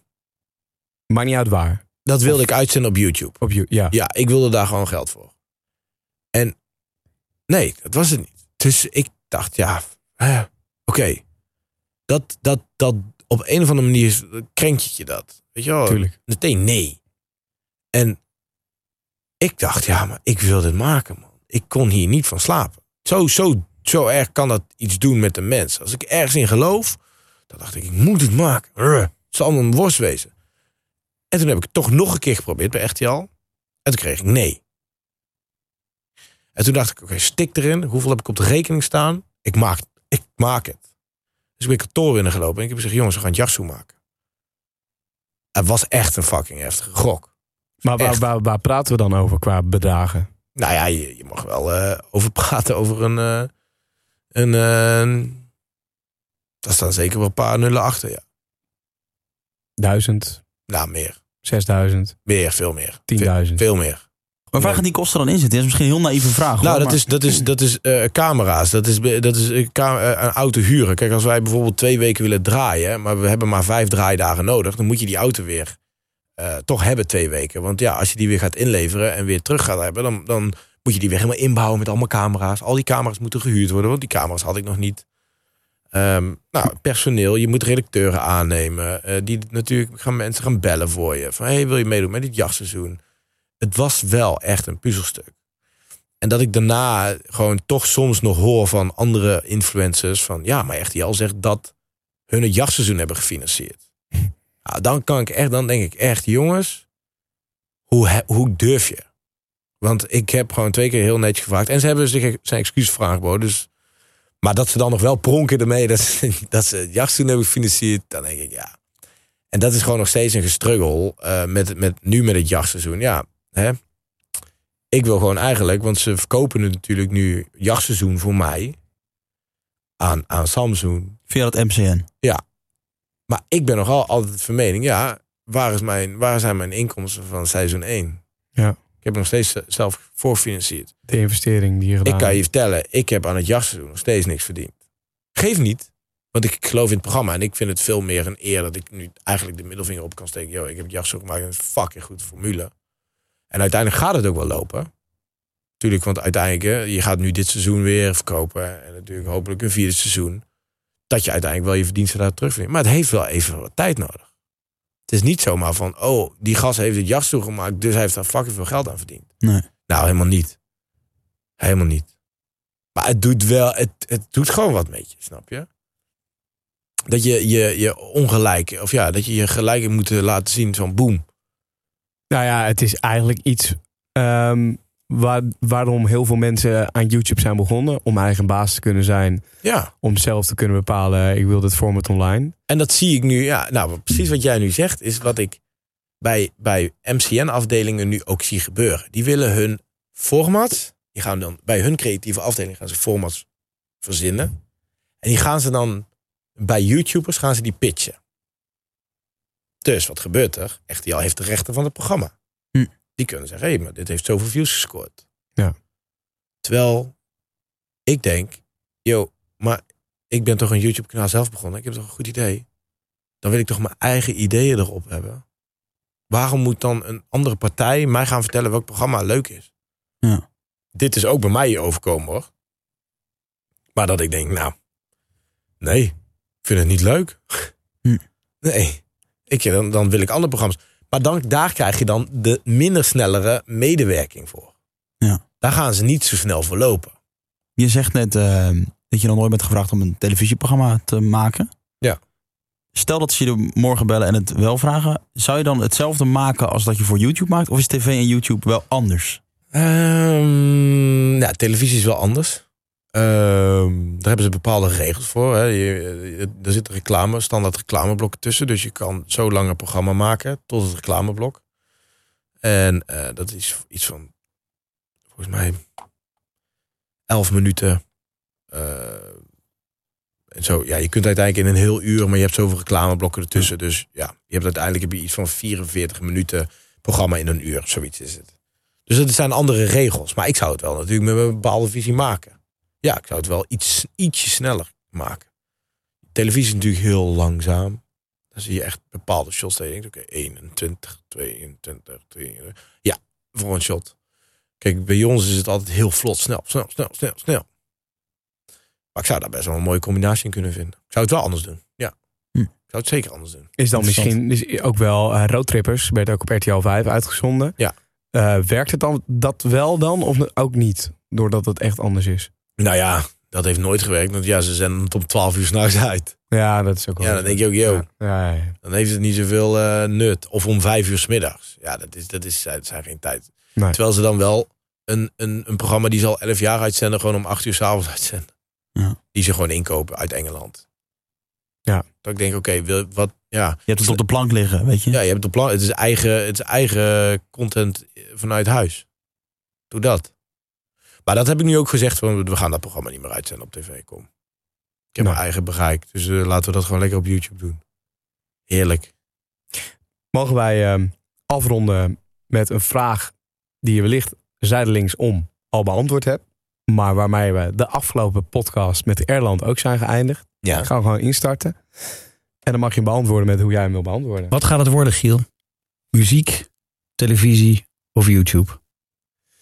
Nou, lieve Erland, ehm, ik vind Stuk TV een merk. En een merk, daar hoort eh meerdere factoren bij dan enkel YouTube.